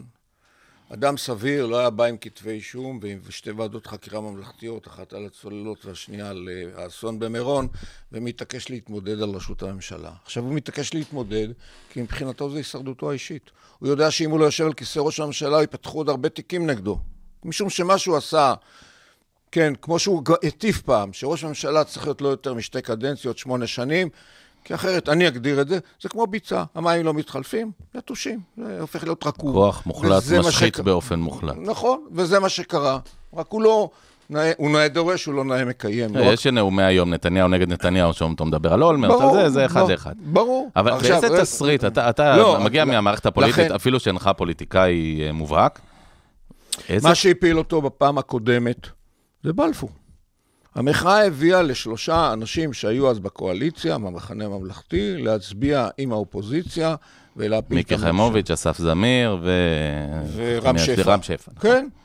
עכשיו, פה צריך יותר, זה נכון. עכשיו, אני מפה קורא לאנשי הליכוד. אתם בסוף תצטרכו להסביר לנכדים ולנינים למה שתקתם בתקופה הזאת. ואני יודע שחלקם לא ישנים טוב. פיקדת על גלנט, נכון? בוודאי פיקדת עליו גם כרמטכ"ל, אבל... אה, אני יותר מזה. אני הוצאתי אותו מהמים, מהשייטת. והעברת אותו ליבשה הראשון להיות שעשה את מח"ט, המסלול. מח"ט מנשה תחת פיקודי באוגדת יהודה ושומרון. כי הוא בא אליי, התחברנו באבו ג'יהאד. הוא הביא אותי אל החוף. שהוא היה מפקד, בעצם הכוח של מפלג השייטת. הלוחמים של כן. השייטת. הוא הביא אותי עם סירות הגומי. אתה שם בוגארט, והוא, אני כן, לא יודע התח- מה. התחברנו. ואז הוא, הוא רצה לדעת מה אני חושב, הוא התלבט לגבי עתידו. ב- בוא נסכם פה, הוא לא בחור טיפש, גלנט. לא, חס וחלילה. הוא מוכשר. כן, עזוב, אני לא רוצה ניתוחי מה, אופי. מה קורה אבל? מה, אה, גם את דיכטר הכרת בוודאי, דיברת על יחיא עיאש, שהוא אחד גם מה... הוא היה פקודי. אחד מהאדריכלים. גם הוא היה פקודי. היה בסיירת. והיינו ביחד כשהוא ראש שב"כ. ו... אז ואני- מה, מה, ואני- מה ואני- קורה פה אבל? וגם אה, ברקת היה מ"פ אצלי ב-890. ב- שלוש. אכזבות. אז מה קורה פה? אני יכול להגיד לך מה אה, שמעתי. ניסים ואטורי כותב היום, כהנא היה צדיק גדול. אז בוא נגיד מניסים ואטורי, אנחנו לא נתלה פה את ציפיות עם ישראל. תראה, אבל מי ש- גלנט, מי שאחראי קודם כל להשחתת הליכוד כתנועה, כסיעה בכנסת, זה נתניהו. אני באתי לליכוד, יכולתי לקיים דיון בסיעה, כי ישבו שם... אבל הוא בגין. לא אחראי. להשחתת גלנט. גלנט הוא. בן אדם רק שנייה, סוברני. אז רק שנייה. ישבו שם בני בגין, דן מרידור, אה, מיקי איתן, לימור לבנת, רובי ריבלין, אפשר לקיים שיחה. יולי אדלשטיין, אפשר לקיים שיחה. האנשים האלה יצטרכו לתת לעצמם דין וחשבון היסטורי, כי הם נתנו יד למ- לממשלה ההזויה הזאת. ואני בטוח שחלקם לא ישנים טוב בלילה. עובר עליהם, מה אבל? הם הסבירו אתה לעצמם? מבין אני אגיד? לך מה הם הסבירו לעצמם. הרי אני עזבתי את הליכוד, ואני חשבתי שבשלב מסוים עוד אנשים צריכים לעזור. לשלטון זה רק דרך הליכוד. הם כבר טועים על פי הסקרים, ואני מאמין שהליכוד אה, ירד מאוד משמעותית. ב- הייתה ב- מגמה כזו, הליכודניקים החדשים, שאמרו, אם אנחנו, בוא ניכנס, כמו שאמרת, דרך הליכוד. וגם הכהניסטים נכנסו. גם כהניסטים נכנסו לתוך הליכוד, זה ליכוד אחר. ובסוף הוא גם מביא אנשים, איזה אנשים הוא מביא? על בסיס הנאמנות אישית לו ולמשפחתו. איזה, איזה, איזה אנשים כאלה אמורים להיות שליחי אבל ציבור? גלנט, דיכטר, רגע, שסיכמנו אז- שהם לא אז אנשים לכן טיפשים. אני חשבתי שהם צריכים לצאת. אז אה, עד עכשיו התחפרו, התחפרו, התחפרו. אני לא חושב שזה אבוד. אני לא חושב שהאנשים האלה ועוד אחרים שם ישנים טוב בלילה כשהם רואים למה, איך נתניהו גרם למחדל הגדול ביותר בתולדות המדינה עם 1,400 הרוגים וכ-240 חטופים. אתה יודע, אבל אני, אני זוכר את לבנון הראשונה. זוכר, אני הייתי בן שלוש, אני זוכר אבא שלי הלך לצבא, אבל אני מכיר את לבנון הראשונה. קמו אז מוטקה ציפורי, שגם אותו ודאי הכרת מהצבא, קם אה, השר ברמן, נדמה לי, אה, שר האנרגיה, ושאלו שאלות. שאלו שאלות מול בגין, שהיה מנהיג לא פחות נערץ מנתניהו, היה ראש ממשלה, נערץ בתנועת הליכוד. את בן גוריון לא שאלו שאלות, אצל נתניהו מי שואל היום שאלות? לא שואלים, חס וחלילה. אבל אה, אתה כל- מכיר את דיכטר, כל- לא, אה, אבי דיכטר, שמבין היטב את שהוא, התמונה. שהוא יסביר. ברגע שאתה התחפרת כבר, וזה ההסבר שלי, התחפרת ואמרת, לשלטון רק דרך הליכוד. סליחה, אין מוסר, אין מצפון, אין ערכים, אין כלום. זו הערת הסוגריים שלי. ואז הוא אומר, טוב, אתם רוצים, תפילו אותו. זה אני מתאר לעצמי, הוא אומר. תפילו אותו. מי זה אתם? אני ואתה? האופוזיציה, מי? האחרים, המ- המחאה. אני בליכוד, אתם תפילו אותו, אז נדע מה לעשות. שמע, אני כמובן בשום פנים ואופן לא מצדיק את זה. אני חושב שהאנשים האלה, זה ייחשב להם לדיראון עולם אם הם לא יעשו מעשה. מה האפשרויות הם הפוליטיות? יעשו מעשה אגב? אני לא יודע. האפשרות... אם אתה צריך להעריך, אני מעריך שיקרה משהו. תראה, הממשלה מה? כזאת, קודם כל נתניהו לא גמור, אחת. תראה מה הוא עושה. פוליטית כמובן, אנחנו מת... מדברים כן, פוליטית. הוא מתעסק מהיום שאחרי. עוד כשנטבחו אנשים והתמונה לא הייתה ברורה, בשבת בבוקר הוא התעסק כבר ביום שאחרי. ואתה מבין שהוא מתעסק בזה גם עכשיו. זורק את זה על הצבא, באופן חסר ואף אחד לא אחריות. קם. דיכטר, גלנט, אף אחד מהם לא קם ואומר, עצרו. טוב, מתישהו אני מקווה שהאנשים האלה יקומו, כמה אפשר... אה, אז תגיד לי, יקומו או ל- לא יקומו? יש שתי אפשרויות, פוליטיות. אחת זה אי אמון קונסטרוקטיבי, שזה לא פשוט. אתה צריך... אה, זה גם לא נורא מסובך.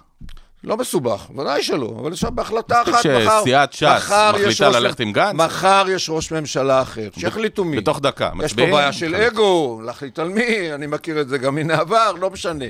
אפשרות אחרת זה מחליטים עכשיו על פיזור הכנסת, בעוד שלושה חודשים הולכים לבחירות. אני חושב שהמהלך הראשון הוא יותר אחראי, הוא יותר משמעותי. גם בו, צריך להגיד, מחליפים ראש ממשלה מיד, הולכים לבחירות בעוד ארבעה חודשים. ואז נעמוד למבחן כלומר, הציבור. דיברנו על כדורגל, מאמן ביניים. מישהו שיקח את הקבוצה לכמה חודשים. זה המעשה הנדרש מתוך שיקולים של טובתה של מדינת ישראל. איש כזה, שאחרי שהוא הוכיח שבמשך עשרה חודשים ויותר, אני טוען מ-2015, כשהייתי לידו, שמשהו השתבש. המצפן שלו הוא קודם כל ההישרדות האישית ולא טובת המדינה. הוא לא משרת את המדינה, הוא מפקיר את המדינה. בכל התחומים, תראה את התפקוד עכשיו בעקבות האסון הנורא. מי ממלא את החסר? האזרחים. אזרחים. אחים איך לנשק. אמר ג'קי לוי בא- באירוע מוצאי שבת, אה, האירוע לטובת משפחות החטופים? אמר, בעקבות המחדל הזה, אזרחי מדינת ישראל יכולים לזקוף את הראש, ממשלת ישראל חייבת להרכין את הראש. זה כל כך נכון. ויותר מזה, אימא אחת של, אימא של חטוף, מהמגזר הדתי, אומרת, אה, אני כבר לא קוראת להם הנהגה, אני קוראת להם שלטון. כל כך נכון. וזה מחייב תיקון. לכן כל הדיבורים על החלפה, זה מתחייב, וההחלפה הייתה צריכה כבר להיות, ואם לא, אז היום. ושוב, אני לא כל יום יושב עם ראש אמ"ן אה, לשעבר, שאפילו לא הודח בוועדת חקירה, שגם זה היה הישג אה, עד איזשהו לי שלב. לא הייתה שום ועדת חקירה בשום תפקיד, אתה יודע למה? כי כשאני באתי לתפקיד, לא הסברתי שקודמיי מטומטמים וכולי. לקחתי את המצב כמו שהוא, ואמרתי, מפה אני יוצא. אתה יודע, עד באתי 82 לשלוש- זה היה כיסא מפלט. באתי לשלוש. יחידות במשבר, במשבר, הדחת מג"ד, לא, לא, לא משנה.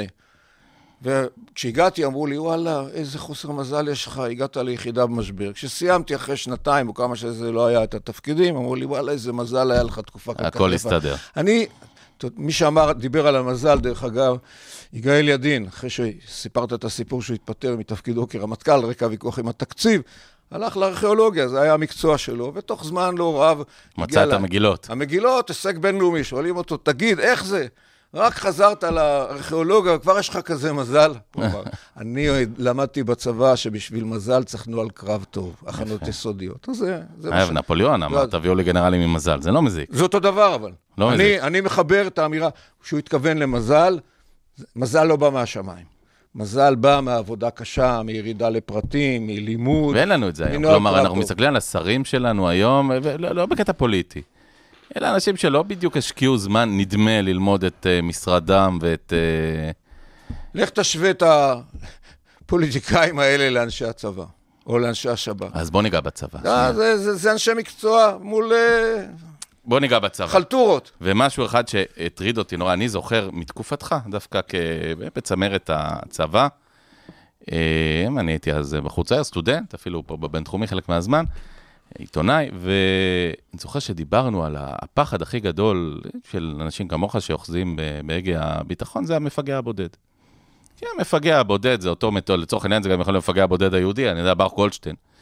יוצא מהבית, לוקח את הנשק, הולך, מסתנן, אין מודיעין, אין אה, יומינט, אין סיגן, אין שום דבר. המחבל הולך, אם לא עצרת אותו בדרך, אה, בשביל זה בונים את הגדרות, בשביל גדר ההפרדה ושאר הדברים, אה, זהו, זה כבר פיגוע שיצא לפועל. אנחנו מסתכלים פה, ועכשיו אני לא איש מודיעין, אבל כולנו יודעים שהמודיעין מתחלק בגדול לשניים, יש לנו מודיעין האותות, את אותו סיגינט מפורסם, בעיקר 8200 וכולי, ואת היומינט, אותו מודיעין אה, אה, אנושי, סוכנים, מפעילים וכולי. אירוע כזה, של 3,000 מחבלי נוח'בה שצריכים uh, לצאת, ובוודאי שותפי סוד, לפחות 100 איש, אתה יודע, אני, אני מקטין. איך אירוע כזה לא עובר ברדאר, לא של היומינט ולא של הסיגינט, לא, לא עובר בשום שלב, uh, שצריך לזכור, משווים את זה ליום כיפור. ביום כיפור, הדבר היחיד שבאמת היה ב- במחלוקת, זה האם מצרים יפתחו או לא יפתחו במלחמה, כי ידעו בדיוק איך תיראה המלחמה. ידעו בדיוק, לא היה שום איך שהם פתחו במלחמה, זה, זה אותם תרגילים שהם עשו 30 פעם לפני זה. לא היו הפתעות בנושא הזה, נכשלנו מסיבות אחרות, גיוס מילואים וכולי. פה זה בכלל לא עלה על הפרק, הפעולה הזאת, כמו שאני הופתעתי בבוקר, אני מעריך בזהירות, באותו בוקר בשש וחצי, שאני קם בביתי ברעננה, גם הרצי הלוי בביתו, היה, או לא בביתו, כבר היה בבסיס, אבל הופתע. תראה, יש לי הרבה שאלות שעוד אין לי תשובות לגביהן, אבל מתוך דווקא הכרתי את התפקידים ואת ההוויה הצבאית, גם כראש אמ"ן, גם כאלוף פיקוד, גם כרמטכ"ל, גם כשר ביטחון, יש לי הערכות למיניהן. קודם כל אני יכול להגיד לך, כשהייתי ראש אמ"ן, שאלו אותי ועדת חוץ וביטחון, אחד חברי הכנסת, האם הפתעה כמו מלחמת יום הכיפורים יכולה לקרות לנו שוב? ואני אמרתי כן. והסברתי, כמובן זה גרם לאותו חבר כנסת לעשות כותרת למחרת באחד העיתונים. חלק אמ"ן מהמשחק. לא הפיק את הלקחים. חלק מהמשחק. לא, זה היה השיעור הראשון שלך. לא, זה היה כבר שואל. אני כבר הייתי מנוסה, קראתי לוועדת חוץ וביטחון מסיבת עיתונאים מעוותת, ותמיד ידעתי 24 שעות של אחרי הישיבה, הכל יוצא. אני בכוננות ספיגה. כי מישהו שמע שאמרתי שמתחיל סקירה, אתה יודע, ראש אמ"ן, יש סיכויים, יש סיכונים, אז בעיתון אחד זה הופיע שראש אמ"ן אופטימי, בעיתון השני יצא ראש אמ"ן פסימי, ואתה יוצא מטומטם. אבל זה, זה קורה גם היום, שמישהו מנסה להציג את העמדות שלי, בשביל זה כתבתי ספר. רוצים את העמדות שלי, תקראו בספר. בכל אופן... אה, אגב, עודכן ב-2018, כן, נכון? נכון, נכון. אני חושב שאתה. צריך לעבוד על עוד עדכון אה, עכשיו, חייב. תראה, בכל המלחמות, כשאיזשהו צד רצה להפתיע צד שני, לרוב הוא הצליח. תסתכל על פרל הרבור, תסתכל על ברברוסה, תסתכל על מלחמת יום הכיפורים. כשהצד אחד מבין שהצד השני אה, צופה עליו, עם כלים אבל מסוימים... אני רוצה להגיד שוב, יום כיפור, ההפתעה הייתה אם יפתחו או לא. ידענו איך הם יעשו את זה, הכרנו את הסד"כ, הכרנו את הפריסה, הכרנו את הדברים. אה, הופתענו מזה שבחרו לפתוח, כי ההערכה, הקונספציה הייתה שלא יפתחו. תראה, אם... אם פה אף אחד אם- לא ציפה, מי ציפה אם- כזה אם תסריט? בצבא לא ציפו לתסריט כזה, אז זה, זה מחדל רציני, משום שאני מדבר על 2014, מתכוון לעשות את זה מנהרות. מישהו חשב שהגדר תחסום טרקטור D9, או, או לא יודע מה, ת- ת- שופל, מלפרוץ אותה, או מטען לפרוץ לא, אבל אותה. אה, מישהו שלא, אה, ואני, שוב, אני לא כאלוף, ובוודאי לא הנחתי שאם יבוא D9 כזה, אז יעלה מזכר, אה, ובשנייה זה- מוריד אותו. או, יפה. אז פה יש, זה כבר עובר לסוגיה, כלומר, המבצ- לסוגיה המבצעית. היו בוא- מספר, בוא- היו מספר דרכים בדרך, ל- היו נ- היו מספר מצוין. אפשרויות לבלום. אז אני טוען, יש פה מחדל מודיעיני ויש פה מחדל מבצעי. אז בוא ניגע במודיעיני שנייה. במודיעיני, אתה, אה, אחד הקשיים, אני שוב שואל, רב אלוף הרצי הלוי, אלוף חליבה, שהם קמו באותו בוקר, לא משנה, בלילה, מה שדיברו, הם היו עמומים ממה שקורה? כן. תראה, היו, היו רעשים, אתה יודע, בכלל, אתה מדבר בדיעבד, יש הרבה חוכמות בדיעבד, תצפיתניות ראו סימנים כאלה, ראו אימונים כאלה, אתה יודע כמה דיווחים כאלה יש. אתה צריך לעבור את המוץ מהתבן. אבל כדי להעריך את הצד השני, אתה צריך להיכנס לנעליים שלו, למשקפיים שלו, לערכים שלו. אני, כשמרצה לאנשי מודיעין עד היום, אני אומר להם, האתגר שלכם כאנשי מודיעין זה להבין את המוח של הצד השני. ואתה מדבר קשה. על הערכה. על אבל אני הערכה, מדבר שנייה על ברור זה מידע הערכה. קשה, עושים כזה מבצע. לא, לא, רגע, שנייה, אה, בסדר, אבל צבא הגנה לישראל לא יכול לעמוד עכשיו עם אה, מאות האלפים שעומדים כרגע בגבול הצפון וגבול... לכן העניין של המודיעין הוא קריטי, לתת התראה. אחרת אתה לא תוכל לתפקד כמדינה. המודיעין הוא גם הערכתי וגם איסופי. ברור. אני מדבר עכשיו על שלב אפילו אבל האיסוף. על האיסוף הזה, אם הצד השני רוצה להסתיר, אז הוא מסתיר. עכשיו תראה, עולים פה כל מיני דברים. ראיתי כבר הייתה כתבה על מחלקת בקרה. אם אכן, אה, לא שזה הדבר הקריטי. אני רוצה לשאול על שאלה האיום- על אחרת. האיום, רק היה שנייה, לנו את אשרף. מרואן יפה, ביום אז כיפור. הנה, אז הנה אני נוגע. אין שנייה. לנו אשרף. מרואן פלסטיני, אל תגיד לי שמות, אני מתכוון, איך יכול להיות שאין אז כזה? בוא אני אגיד לך. כשאני מגיע להיות ראש אמ"ן, יש המלצה אה, אצל ראש אמ"ן הקודם עדיין, לסגור את יחידת היומינט. ואני אומר, בשום פנים ואופן לא. אז אני לא יודע מה היה. מה זאת אומרת לסגור? זהו, לא צריך יותר סוכנים? השב"כ עוסק בנושא הפלסטיני וזה, אז אנחנו לא צריכים אה, באמ"ן. ואני טענתי לא. בסוף, אתה- כשיש לך מודיעין טכנולוגי, הצד השני מתחיל להבין מה היכולת הטכנולוגית שלך, הוא מסתיר. אתה בסוף, כדאי שיהיה לך. התמכרנו למודיעין הטכנולוגי קצת.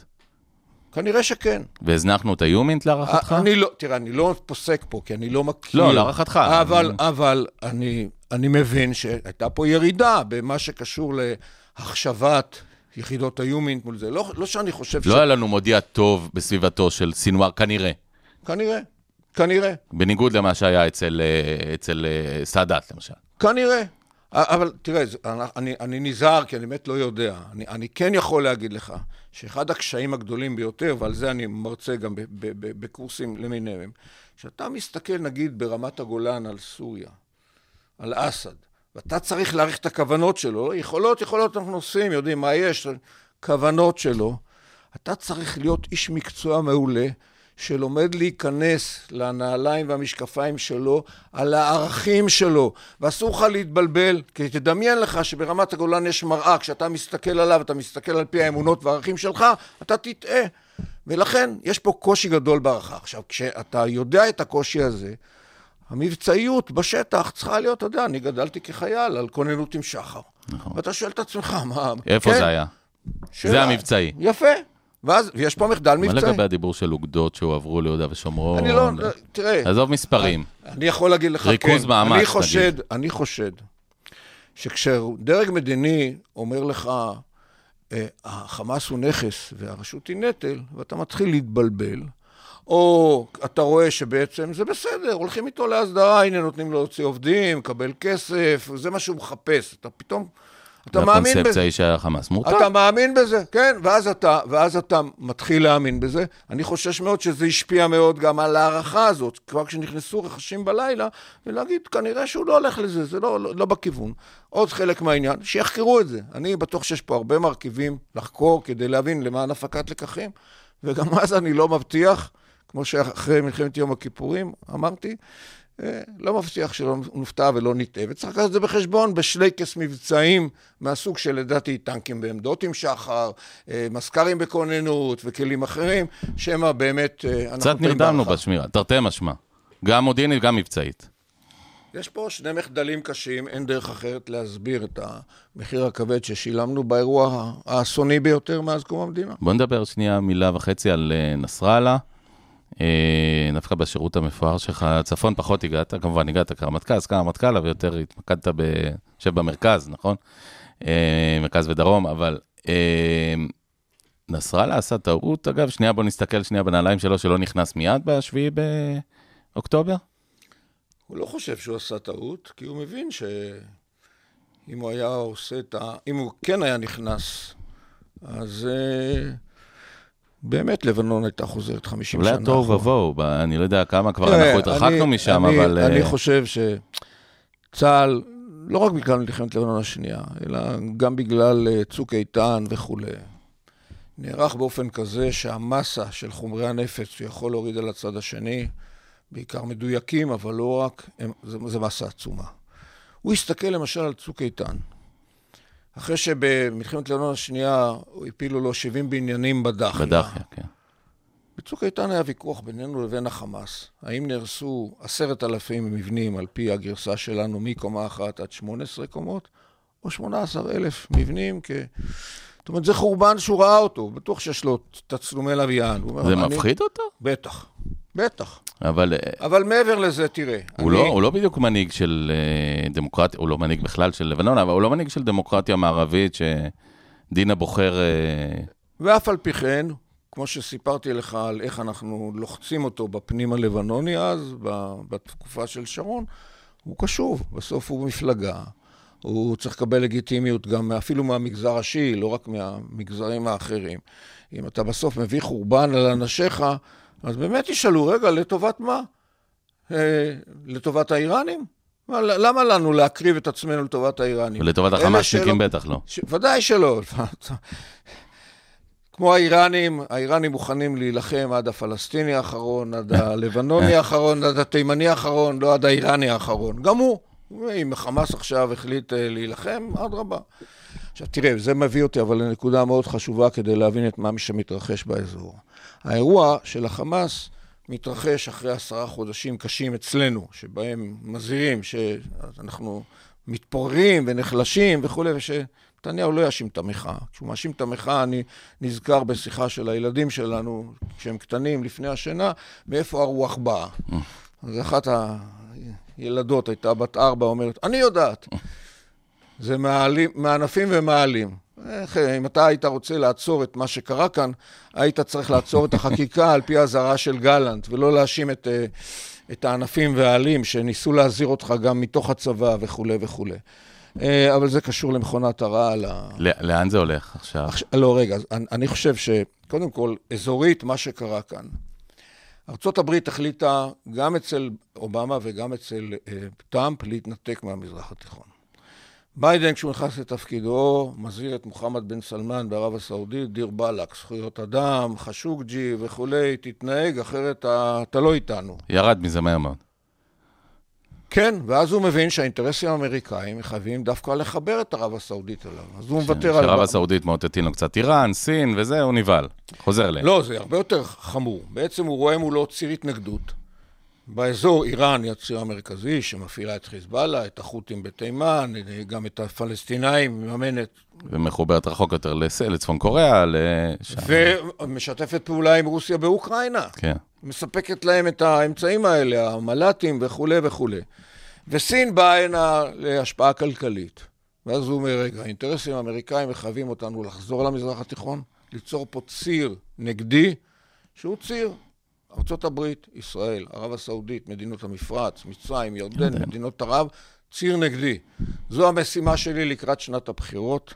על זה הוא מדבר, כל הדיבורים האלה על ברית הגנה עם ערב הסעודית. ופתאום- ואז הוא בונה בעצם את ההסכם שכמעט נחתם. נכון, ואז פתאום החמאס מקלקל לו את זה. הוא לא סתם מביא הנה נושאות מטוסים, גם לים האדום, גם לים התיכון, צוללות וכן הלאה וכן הלאה, כי זה מאיים על אינטרסים אמריקאים. הוא לא בא להילחם במקומנו, הוא בא להילחם על אינטרסים אמריקאים. הוא רוצה לחזק את הציר הזה, והציר הזה מבין את זה. ערב הסעודית, שעד עכשיו תאמה מחירי נפט עם רוסיה, ועכשיו מבינה שהיא רוצה להתחבר, עדיין רוצה להתחבר לארצות הברית, זה המאבק, על זה צריך ללכת. עכשיו, זה מתקשר אלינו. ארה"ב באה אלינו במצב הזה שהחמאס פתח במלחמה הנוראה הזאת, ואומרים לנו, יש פה גם אינטרסים אמריקאים, שגם אתם צריכים להיות מחוברים אליהם. ולא יכול להיות שסמוטריץ' ובן גביר יטרפדו לנו את זה. לך נתניהו, למדינת ישראל, ולנו האמריקאים. אבל הם לא זזים, שזה אנחנו נוגעים פה בנתניהו. רגע, אז, אז לא, אז, אז תראה, הם באו הנה, אתה רואה, פעם ראשונה שאני רואה פה את ארצות הברית מתנהגת למדינת ישראל כמו ועדה קרואה. כן. הוא בא לקבינט. בלינקן. בלינקן פעמיים יושב בישיבות קבינט, ומה הוא אומר לנו לויד עכשיו? אוסטן כל שתי דקות זה פה, חשוב כן. לגבי ההמשך. מה הם אומרים? אנחנו מסכימים שאתם לא צריכים לכבוש את עזה ולא למנות שם מושל. את זה אומר גם נתניהו. זה גם אתה אומר. גם אני אומר, ודאי. ועשינו את זה בצוק איתן. חס וחלילה. כלומר, נכנסים, יוצאים. לא משנה עכשיו, ניגע. ודאי, נכנסים יוצאים. אז היה, מה הייתה האלטרנטיבה? אתה רוצה גורם אחד אחרי, אז היה חמאס. עכשיו, לנוכח האירוע הזה, אני מסכים לזה, שזה לא יכול להיות מי, חמאס. מי זה יהיה? אז בדיוק, זאת השאלה. רשות? לא, או... אז תראה, אז נתניהו אומר מצד אחד, לא אנחנו, מצד שני, לא חמאס, אפילו מדברים במונחים של לחסל את החמאס. אה, בואו...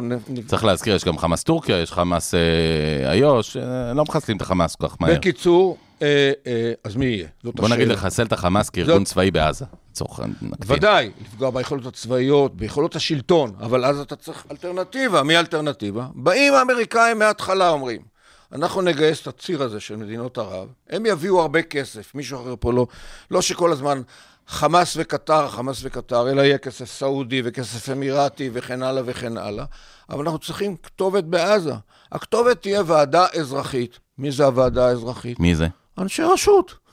זה יהיה אנשי רשות. ואז זה מפרק את הקואליציה של ביבי. לא, בגלל זה הוא מתנגד, אתה מבין? אנחנו משעבדים את האינטרסים שלנו, וגם פוגעים באינטרסים אמריקאים בגלל סמוטריץ' ובן גביר, שאומרים, את הרשות צריך לחסל. אז מה יהיה? פה אנחנו נמצאים. מה יהיה? אני מקווה, אני מקווה שבסוף נקבל שכל. תראה, אני, אני מקווה שהדרגים המקצועיים אומרים את זה לנתניהו בהאי לישנא. מספיק. כמה זמן אתה תשמיד את המדינה הזאת עם סמוטריץ' ובן גביר והתפיסה שלהם כדי לשרוד אישית? חס וחלילה. אני מקווה שגם בליכוד וגם במפלגות אחרות בקואליציה תהיה התעוררות מתוך הבנת העניין מה הזה. התפקיד, אגב, של בני גנץ ואייזנקוט, ששניהם אתה מכיר היטב, שנכנסו ל... בעצם למערכה הזאת, אה, כאילו מתחת לאלונקה, או לא כאילו. אה, מה- מה תפקידם בעצם להרחיק את סמוטריץ' ובן גביר מהממשלה? הם לא דרשו את זה. לדעתי זו תקלה, כי לפיד כבר בערב הראשון, שבת השחורה, אמר, "אני נכנס בלי שבת." בן גביר. בדיוק, הוא הבין בדיוק. בן גביר וסמוטריץ' בחוץ. כמובן, אה, נתניהו... כנראה הרי- שהעם רוצה משהו אחר, כי... זה לא העם רוצה גנץ, משהו. לא, לא על בן גביר, אה, אני אומר, הרי, עזוב. כי גנץ עולה ולפיד יורד. אז תמשיך לנווט לפי סקרים, שבשבת רוחות. אני מנווט לפי מצפן, בסדר? אני חושב שהתנאי לכניסה של גנץ ו- אה, ואייזנקוט לממשלה היה צריך להיות ששני אלה, כפגרה, כפוגעים באינטרסים בחוץ. ישראלים, בחוץ. טוב, הוא לא עשה את זה. אין ספק שגנץ ואייזנקוט הביאו איזושהי שפיות לדיונים הביטחוניים. עכשיו, מי אחראי לזה שהדיונים לא שפויים? מי יש לו להתייעץ? עם נתניהו? עם סמוטריץ'. ובן גביר? ברדוגו. כן, עם... בקיצור, אה, לכן הם הכניסו שפיות, איזושהי שפיות. אבל הם היו צריכים להתנות את זה כתנאי. הם הכניסו נת- שפיות לניהול המלח... לניהול הקרב. לניהול הקרב, אבל בנושא של, תראה, אה, עצות טקטיות ועצות אה, אופרטיביות, הצבא יודע לעשות את זה היטב גם בלי הפוליטיקה. על טייס אותו מעלות צריך טובות. האסטרטגיה צריכה להיות היום, אין מנוס אלא מלהקשיב לאמריקאים, לבנות פה מחדש את הציר שהוא כל כך חשוב, ארצות הברית, ישראל, ערב הסעודית, האמירויות, כנגד ציר ההתנגדות, זה האינטרס שלנו, ולא להתחשב בסמוטריץ' ובן גביר. אתה רואה את נתניהו מוותר על הכיסא, וברגע שהוא מבין שסמוטריץ' ובן גביר לא איתו, אז, אז, אז הוא בעצם מבין זה לא נשמע שאתה אופטימי. אני אופטימי מאוד, משום שהמציאות תביא אותנו עם מחירים יותר כבדים, לכן אני אומר, אסור לו לנהל את המלחמה. אין לו תוקף מוסרי ואין לו תוקף מהותי, קישור, קשור, כשירות מהותית כדי לנהל את המלחמה, כי השיקולים שלו עד היום הם שיקולים אישיים, הישרדותיים, ככה לא יכול מנהיג להוביל את המדינה. והוא לא מנהיג, הוא פוליטיקאי שורד. בוא נדבר אה, מילה וחצי על אה, חיזבאללה. אה, אני מניח שאתה לא בעד מכת מנע עכשיו. דיברו שגלנט היה בעד, נגד, לא משנה, בסופו של דבר זה לא קרה. אנחנו נידרדר באיזשהו שלב מלחמה עם חיזבאללה? זאת אומרת, התושב- תושבי שלומי ומטולה וקריית שמונה יוכלו לחזור, אה, יוכלו לחזור לשם? באיזה מציאות? תראה, אני מנתח את זה כרגע מהצד. נסראללה זה לא שש אלי קרב, הרי אם הוא היה שש אלי קרב, היה כבר פותח את המלחמה עם הרקטות על תל אביב, עם המדויקים שלו. הוא. מטפטף, דיברנו על טפטופים. כן, אה, בסדר, הוא משלם מס כרגע, שלדעתי הוא יפסיק לשלם אותו ביום שתהיה הפסקת אש ברצועה. אלא אם כן, שוב, אתה צריך להיערך פה אז למיסקלקולציה. אתה, יש לך אה, נכדים, אני מניח. אתה שם את הנכדים שלך בקריית שמונה יום אחרי זה? קודם כל, יש לי גם בחזית, בסדר? אבל כולנו בחזית. לא, אני אומר כאילו, אה, אה, מי, מי יחזור לקריית שמונה תחת, תחת הבנה ש, שהנמר הזה יושב קילומטר, זה קילומטר, מטרים, מאות מטרים ממנו, ו... תראה, אם היה לי זבנג וגמרנו, גם מדיני וגם צבאי, בסדר? הייתי עושה אותו. אז כל אלה שאומרים, יאללה, בוא ניכנס... הולך, מחסר, חיזבאללה, יאללה, בוא לא נחסל את ישלם. חיזבאללה. שמעתי את זה, בסדר. מתקפת מנע על איראן, בסדר. ומה אחר כך? ובעדין. שוב, אני חוזר לז'בוטינסקי, שמדבר על כמה קטנים אנחנו. על בן גוריון, שמבין כמה אנחנו קטנים, ואנחנו צריכים לפעול בחוכמה. אז כרגע הדגש צריך להיות על אבל עזה. מה, מה עושים עם הנמר הזה שיושב? בוא נניח שלא יתערב. כמו שאמרת, תהיה הפסקת אש בעזה, הוא גם יפסיק לירות. לנוכח ההתגרויות שלו, אם נצליח עכשיו להביא לזה שהוא יממש את 1701, הרי 1701 הוא מפר אותו כל יום, אסור לו לרדת הוא עם מפר אותו כבר חמושים. שנים. נכון. אז האם ההזדמנות הזאת ישנה? טוב. אם לא, אני אה, הייתי בצפון אתמול. אני הסתובבתי, שמעתי מהתושבים, אם אה, האיום של חיזבאללה לא יוסר, אני אנחנו- מוזמן שבוע הבא לחורפיש, לנסוע עם קסדה? אין שום בעיה. אה, תשמע, קסדה אתה יכול לקחת בכל מקום בארץ, כשאני הולך לעבוד בעוטף ובחקלאות, אני כן. לא לוקח קסדה. אני, לא, זה מסוכן בכל מקום. אבל איך אנחנו ש- מחזירים אבל באמת התושבים? אתה מחר שר ביטחון, אתה מחזיר אנשים לשלומי ו- וקריית שמונה, מה אתה אומר להם? צריך למצות כרגע את האפשרות, לנוכח ההתגרויות שלו, באמת לממש את 1701, אני אומר למצות, אני לא יודע... מהלך. מדיני. כן, הוא- הוא- יש החלטת או"ם. מול. מי? כל המערכת הבינלאומית שהאמריקאים פה עם נושאות מטוסים ועם צוללות.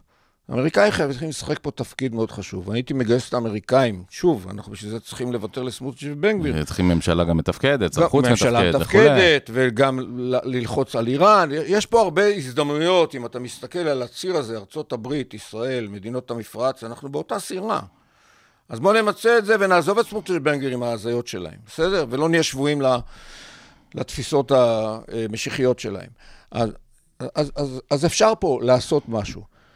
ואם לא, אז צריך יהיה לחזק את ההגנה על היישובים עם צבא, זה אנחנו, זה לא תלוי בנסראללה. כלומר, אוגדות ישבו בצפון עכשיו. יהיה להגן בכך שהתושב שחי במשגב עם, מנרה, ממש על הגבול, למקומות אחרים, ירגיש יותר זה מרחק בטוח. יריקה אבל- פיזית, לא כמליצה. שמע, 16 שנה החמאס- החיזבאללה לא ירה פעם אחת.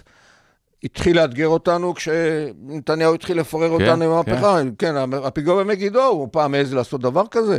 ועוד ועוד, כמו שאמרתי, גם הפיגועים שהוא עשה אחרי ההתנתקות. הוא חש שאנחנו נחלשים, אז הוא עשה... אפשר לחזק את זה בצורה משמעותית. חלק מהחוזק זה מה נעשה לחמאס בעזה. הוא חייב לשלם מחיר כבד מאוד למען יראו וייראו, לא רק הפלסטינים. מה תמונת ניצחון בעזה, אגב, בעיניך? שהחמאס לא שולט, מביאים לשם את אותה ועדה אזרחית שאני מדבר עליה, שוללים ממנו יכולות צבאיות, ושומרים על חופש פעולה ביטחוני. כמה זמן? תראו, חומת, חומת מגן, זוכרים את התשעה ימים. שוכחים זוכרים ש... אבל את ברגותי בתחתונים. נכון, המשכתם להילחם שם עוד שלוש שנים, אבל היה תמונת ניצחון. אני, איתה. שנתיים אחרי, כרמטכ"ל, קראתי לזה לכסח את היבלית נמוך. וכיסחנו את היבלית נמוך, ושמרנו על חופש פעולה עד היום, אם עכשיו... אבל את גידולי הפרא הענקיים הוצאת כבר בחומת מגן, לא נשארת מייבלי. ברור, אבל אתה, אם יש לך עכשיו אה, ידיעה על מישהו בג'נין או בטול כרם... אתה נכנס. אתה נכנס, אותו דבר פה. אותו דבר פה. לשמור חופש פעולה ביטחוני, יכול להיות סיכול ממוקד אווירי, יכול להיות כניסה קרקעית, לא משנה מה. לא לתת, לחמאס, לא לתת לחמאס לצבור עוד פעם כוח ולאפשר לוועדה אזרחית לנהל את החיים. מה החטופים? כמה שיותר מהר להחזיר אותם. איך? בסוף זה הולך לאיזשהו מתווה שהוא בהסדרה, בהסכם כזה. גם פה אני מלין על זה שנכנסנו לזה מאוחר מדי. שמעתי פה כל מיני אמירות הזויות על עקדת יצחק, ונוותר עליהם, ונפיל פצצת כן. אטום. ו... כן. שמע... לא, אבל השאלה כל... היא אחרת. הם הרי היום שכפ"ץ אנושי. אני מניח, חלקם. הם, הם, הם נכס, נכון, אבל הם... הם למה הם... שיוותרו על... זאת אומרת, יחזירו 100, אוקיי, אז יישארו עוד 100, 140, 40, 50. אם, אם, אם יחיא סנואר יצא מהכלא בעסקה, וחרט על דגלו ונדר נדר... להוציא את כולם. להוציא את כולם. אז אה, אולי הוא יכול להשיג את זה עכשיו, אני לא נכנס לדיון את מי משחררים, את מי לא משחררים. אבל ברור לחלוטין שהיינו צריכים להיכנס לזה יותר מוקדם, עוד לא מאוחר. אני מקווה שבעצם עם הללו נראה כבר שלב א' במתווה לשחרור. כל החטופים, כל החטופים, אם לא, אנחנו עם פצע פתוח לדיראון עולם. וזה לא, לא אירוע גלעד שליט. אבל ברור לך ששחרור כל החטופים זה סוף הלחימה. אי אפשר לשחרר את החטופים להמשיך להילחם אחרי זה. אני... אלא אם סינואר באמת מטומטם, ואנחנו מניחים שהוא כנראה לא מטומטם. חבר'ה, אנחנו באים עכשיו מתוך עמדת עוצמה. זאת אומרת, הוא עשה את מה שהוא עשה, הישג ענק מבחינתו בשבת השחורה. מאז הוא כבר משלם מחירים. מה אתה מציע לו? אה, בנוסח ערפאת, לעלות על ספינה, לנסוע לאיראן? אני ו... מקווה שהוא יסוכל, בין אם זה יהיה כאן או בין אם במקום אחר. הוא איש שפתח איתנו חשבון דמים, שאנחנו חייבים לסגור אותו למען יראו וייראו. זה מסכים אבל להנחה שבאמת, אם יחזור החטוף האחרון, והלוואי, ואנחנו מתפללים, זה, זה חייב להיות סוף הלחימה. זאת אומרת, זה אין, אין תסריט אחר. סוף הלחימה יכול להיות, אתה יודע, אה, כבר מגיעים לשיפא, אז בצפון הרצועה נגמרים היעדים. אגב, זה, זה מהלך משמעותי, נכון? מאוד, מאוד. תראה, חלק מהעניין שאנשים לא מבינים, יש דברים שאתה יכול לעשות תחת לגיטימציה. אף פעם לא העזנו להתקרב לשאיפה. לא הייתה לגיטימציה גם, בסדר? חלק מה... כן, מזלזלים. יש דבר כזה שנקרא לגיטימציה מלחמה בטרור, זה מרחבי התמרון, זה לא איך אתה פורס את הטנקים בסיני, זה הלגיטימציה הבינלאומית שיש לך. החבל, יכולים, אורך החבל. יכולים לעצור אותך בכל רגע. ואני לא בטוח שלא יעצרו אותנו בעוד שבוע, שבועיים. כשאנחנו נכנסים לשיפא, זה על דעתו של נשיא, סביר מהיכרות שלך? בוודאי, אתה שומע את האמריקאים מסבירים שזה יעד. אין חוכמות, הוא מעודכן. הוא איתנו, מלא מלא מלא, זה ברור. ומה עושים שם? ולכן, תראה, בסופו של דבר, הרי מה שנחשף בצדק על ידי דובר צה"ל, זה שהם משתמשים ב, גם באוכלוסייה כמגן אה, אנושי, וגם בבתי החולים. כן. זאת אומרת, אתה רואה מצד אחד את הארגונים הבינלאומיים עם הלוגו של... אה, אונר"א וכולי, כן. ומצד שני, מתחת לזה, המשגרים שלהם והנשק שלהם וחומרי הנפץ שלהם. זה צריך לחשוף. אה, וזה נותן לגיטימיות, כמובן, לפעול. לכן את שיפא צריך, בעניין הזה, גם לצלם וגם בסופו לא של... לא הופתעת, צריך להגיד, אנחנו מקליטים ביום רביעי, 14 בנובמבר, לא הופתעת מהתמונות. 14? 15, כמובן. אה, לא הפתעת מהתמונות. בשיפא, של חיילי צה"ל בשיפא. לא, בטח שלא. זה תמונות שלא ראינו באמת מאז נכון, שיצאנו מעזה. נכון, הנה, יש פה הישגים מאוד משמעותיים. פה אני חייב להדגיש, אם לא אמרתי את זה עד עכשיו, הצבא חטף מכה קשה בשבת השחורה. לשמחתי הוא התעשת. וכל נביאי השחורות לגבי מצב הצבא, כן, שלצערי, ואני ידעתי שהם לא צודקים, אבל היו כאלה שאימצו אותם מליבם, אפילו כבר כשהנאשם העיקרי, אחראי על המחדל, התחיל לאמץ את הגרסאות של בריק כדי לכתוב את כתב האישום לצבא, מוכיחים שזה קשקוש. הצבא באמת, בואי יבוא אם זה לא היה כך. ניצל את הזמן להצטד... להצטייד בכלים טובים, גם ביבשה, גם באוויר, גם בים, מודיעין וכן הלאה. וגם, אה, אתה רואה צבא מאומן. ניצל גם את זמן ההמתנה שהיה, וזה תמיד חשוב למילואים, להוריד. חלודה. אתה מחלק ציון טוב, הרצי הלוי, ירון פינקלמן, החברים שם, אה, מרגע פרוץ הקרבות. לאחר כן, ה... ודאי, ודאי. תראה, אני הייתי מאוד מודאג. אנשים ברמה האישית חוטפים מכה כזאת, כי הם מבינים שהמחדל של שבת השחורה הוא על הראש שלהם. ואמרתי, אני אסתכל בעיון אם הם מתפקדים או לא. אם הם לא מתפקדים, להחליף אותם מיד. לשמחתי, הם מתפקדים לעילה ולעילה. אני מכיר אותם אישית. אפילו להפך, זאת אומרת, אה, לקחו את זה כאיזשהו תמריץ, אה, אנחנו חייבים חזרה, תראה, להחזיר לעם. אני מכיר את הרצי מהרבה לילות. איש אמיץ, קר רוח. היה פקוד שלך בסיירת מטכ"ל, צריך להגיד. כן, כן, בסיירת מטכ"ל, כשהוא עשה נגיד מבצעים, אז אני הייתי בחפ"ק. וראיתי איך הוא מתנהג ברגעים קריטיים, שאתה צריך לקבל החלטות על חוט השערה, שקול, קר רוח. שמחתי מאוד שמינו אותו ל- ל- ל- לרמטכ"ל. חבל שקרה מה שקרה בשבת השחורה, אבל עכשיו הוא והוא ייקח פועל... אחריות כמובן באיזה שלב, לא משנה הוא עכשיו. כבר לקח אחריות. הכוונה, הוא הוא ילך באיזה כן, שלב הביתה. אבל שלא יתפטר דקה לפני שנתניהו... וגם אתה היית הולך. במקרה כזה. אני מעריך שכן, אבל לא דקה לפני שנתניהו הולך, כי חס וחלילה. חלק מהמשימה כרגע זה לא לאפשר לנתניהו להמשיך למנות אנשים שלו, כי חלק מהריקבון שאנחנו חווים כרגע זה מינויים לא ראויים. נכון. אם השיקול הוא לא מקצועי, אלא שיקול נאמנות אישית למשפחה, אני אומר את זה בצורה מאוד ברורה, אז הנה הריקבון, למה פתאום אה, צריך מתנדבים ל- ל- לקחת אחריות על החלק האזרחי? כי המינויים לא, מינויים לא ראויים. אתה בקשר עם, אה, בלי שמות, עם קציני צבא, בכירים, אנשי... אה, אה, יש כאלה. מייעץ, הם מתקשרים, אתה, שואלים. אתה יכול לנחש שלא מוותרים על הניסיון שלי. לא, אני, אני כל הזמן עולה לי התמונה, אתה יודע, של בר-לב אה, עם הדרגות רב-אלוף אה, כקצין, אמנם בכיר, אבל במלחמת יום כיפור, כפוף לרמטכ"ל דדו. אה, זה, אני, אני חשבתי שזה יקרה עכשיו, והאמת שזה לא קרה.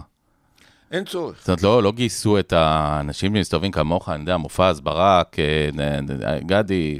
אנשים, אנשים יודעים להיעזר בניסיון שלנו בלי שיחליף אותם. אני חושב שיש מצבים שאין ברירה, כמו שקרה במלחמת יום הכיפורים, עוד לא, לא הייתי שם, אבל הבנתי שצריך להחליף את אה, גורודיש ו, ו, ול, ולהתייצב ולהיות חונכים שלהם ואפילו להחליף אותם. פה אני לא חושב שזה המצב, אנשים פועלים באופן מצוין, הנה הם מוכיחים את עצמם יום-יום.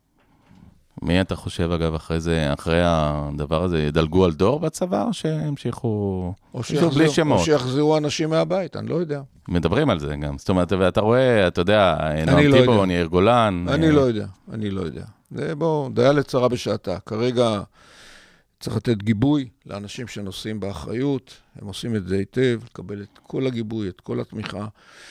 אתה רואה גם את הרוח הנכונה בקרב האנשים והאזרחים שמתגייסים, הרוח היא נכונה.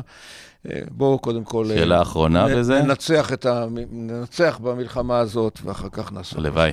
אתה אה, בגיל 23 אה, עזבת את את הקיבוץ, היית מזכיר הקיבוץ, היית אחד הבכירים, איש איש בקיבוץ, איש הרפת, איש ה... לא עזבתי.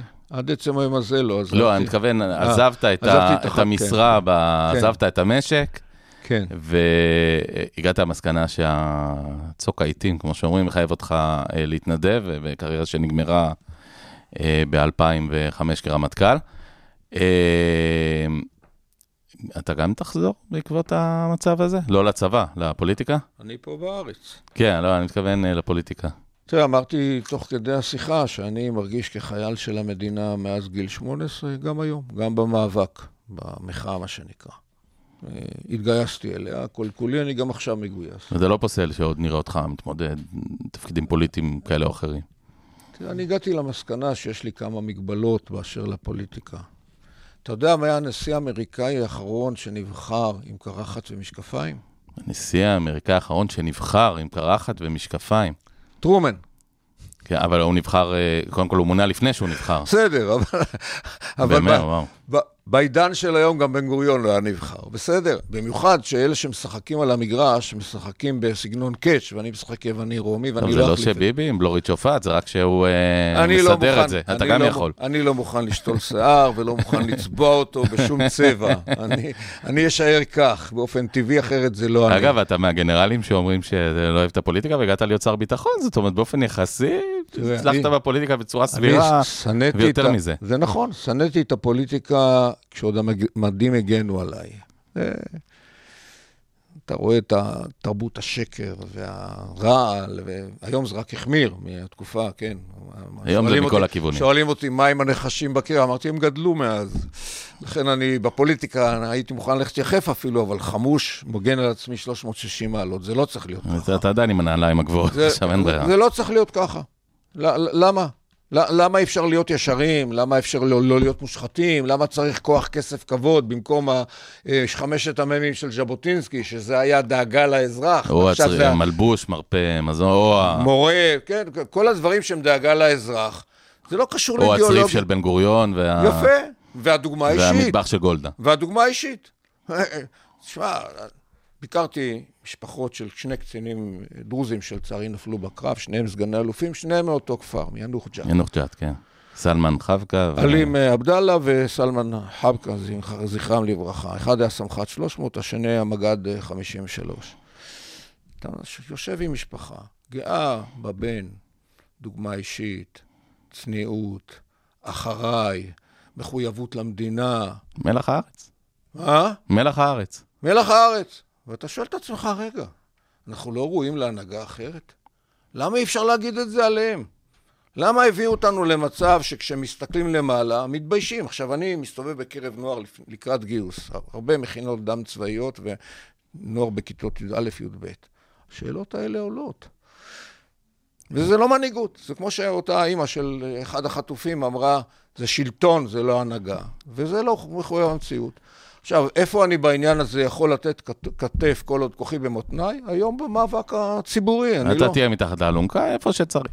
איפה שצריך, ולרוב אני מרגיש יותר טוב במאבק הציבורי מאשר להיכנס באיזה קוניוקטורה לאיזה... או בקטיף, ששם אתה ממש פורח. ראיתי את ברור, הפנים מה. שלך, ברור. מאז שהבן שלי הקטן קיבל פלייסטיישן, לא ראיתי כזה חיוך. אה, תשמע, אני מאמין עד היום באמירה של טרומפלדור, שאמר, במקום בו תחרוש המחשה. המחשה היהודית את התלם האחרון, שם יהיה גבולנו.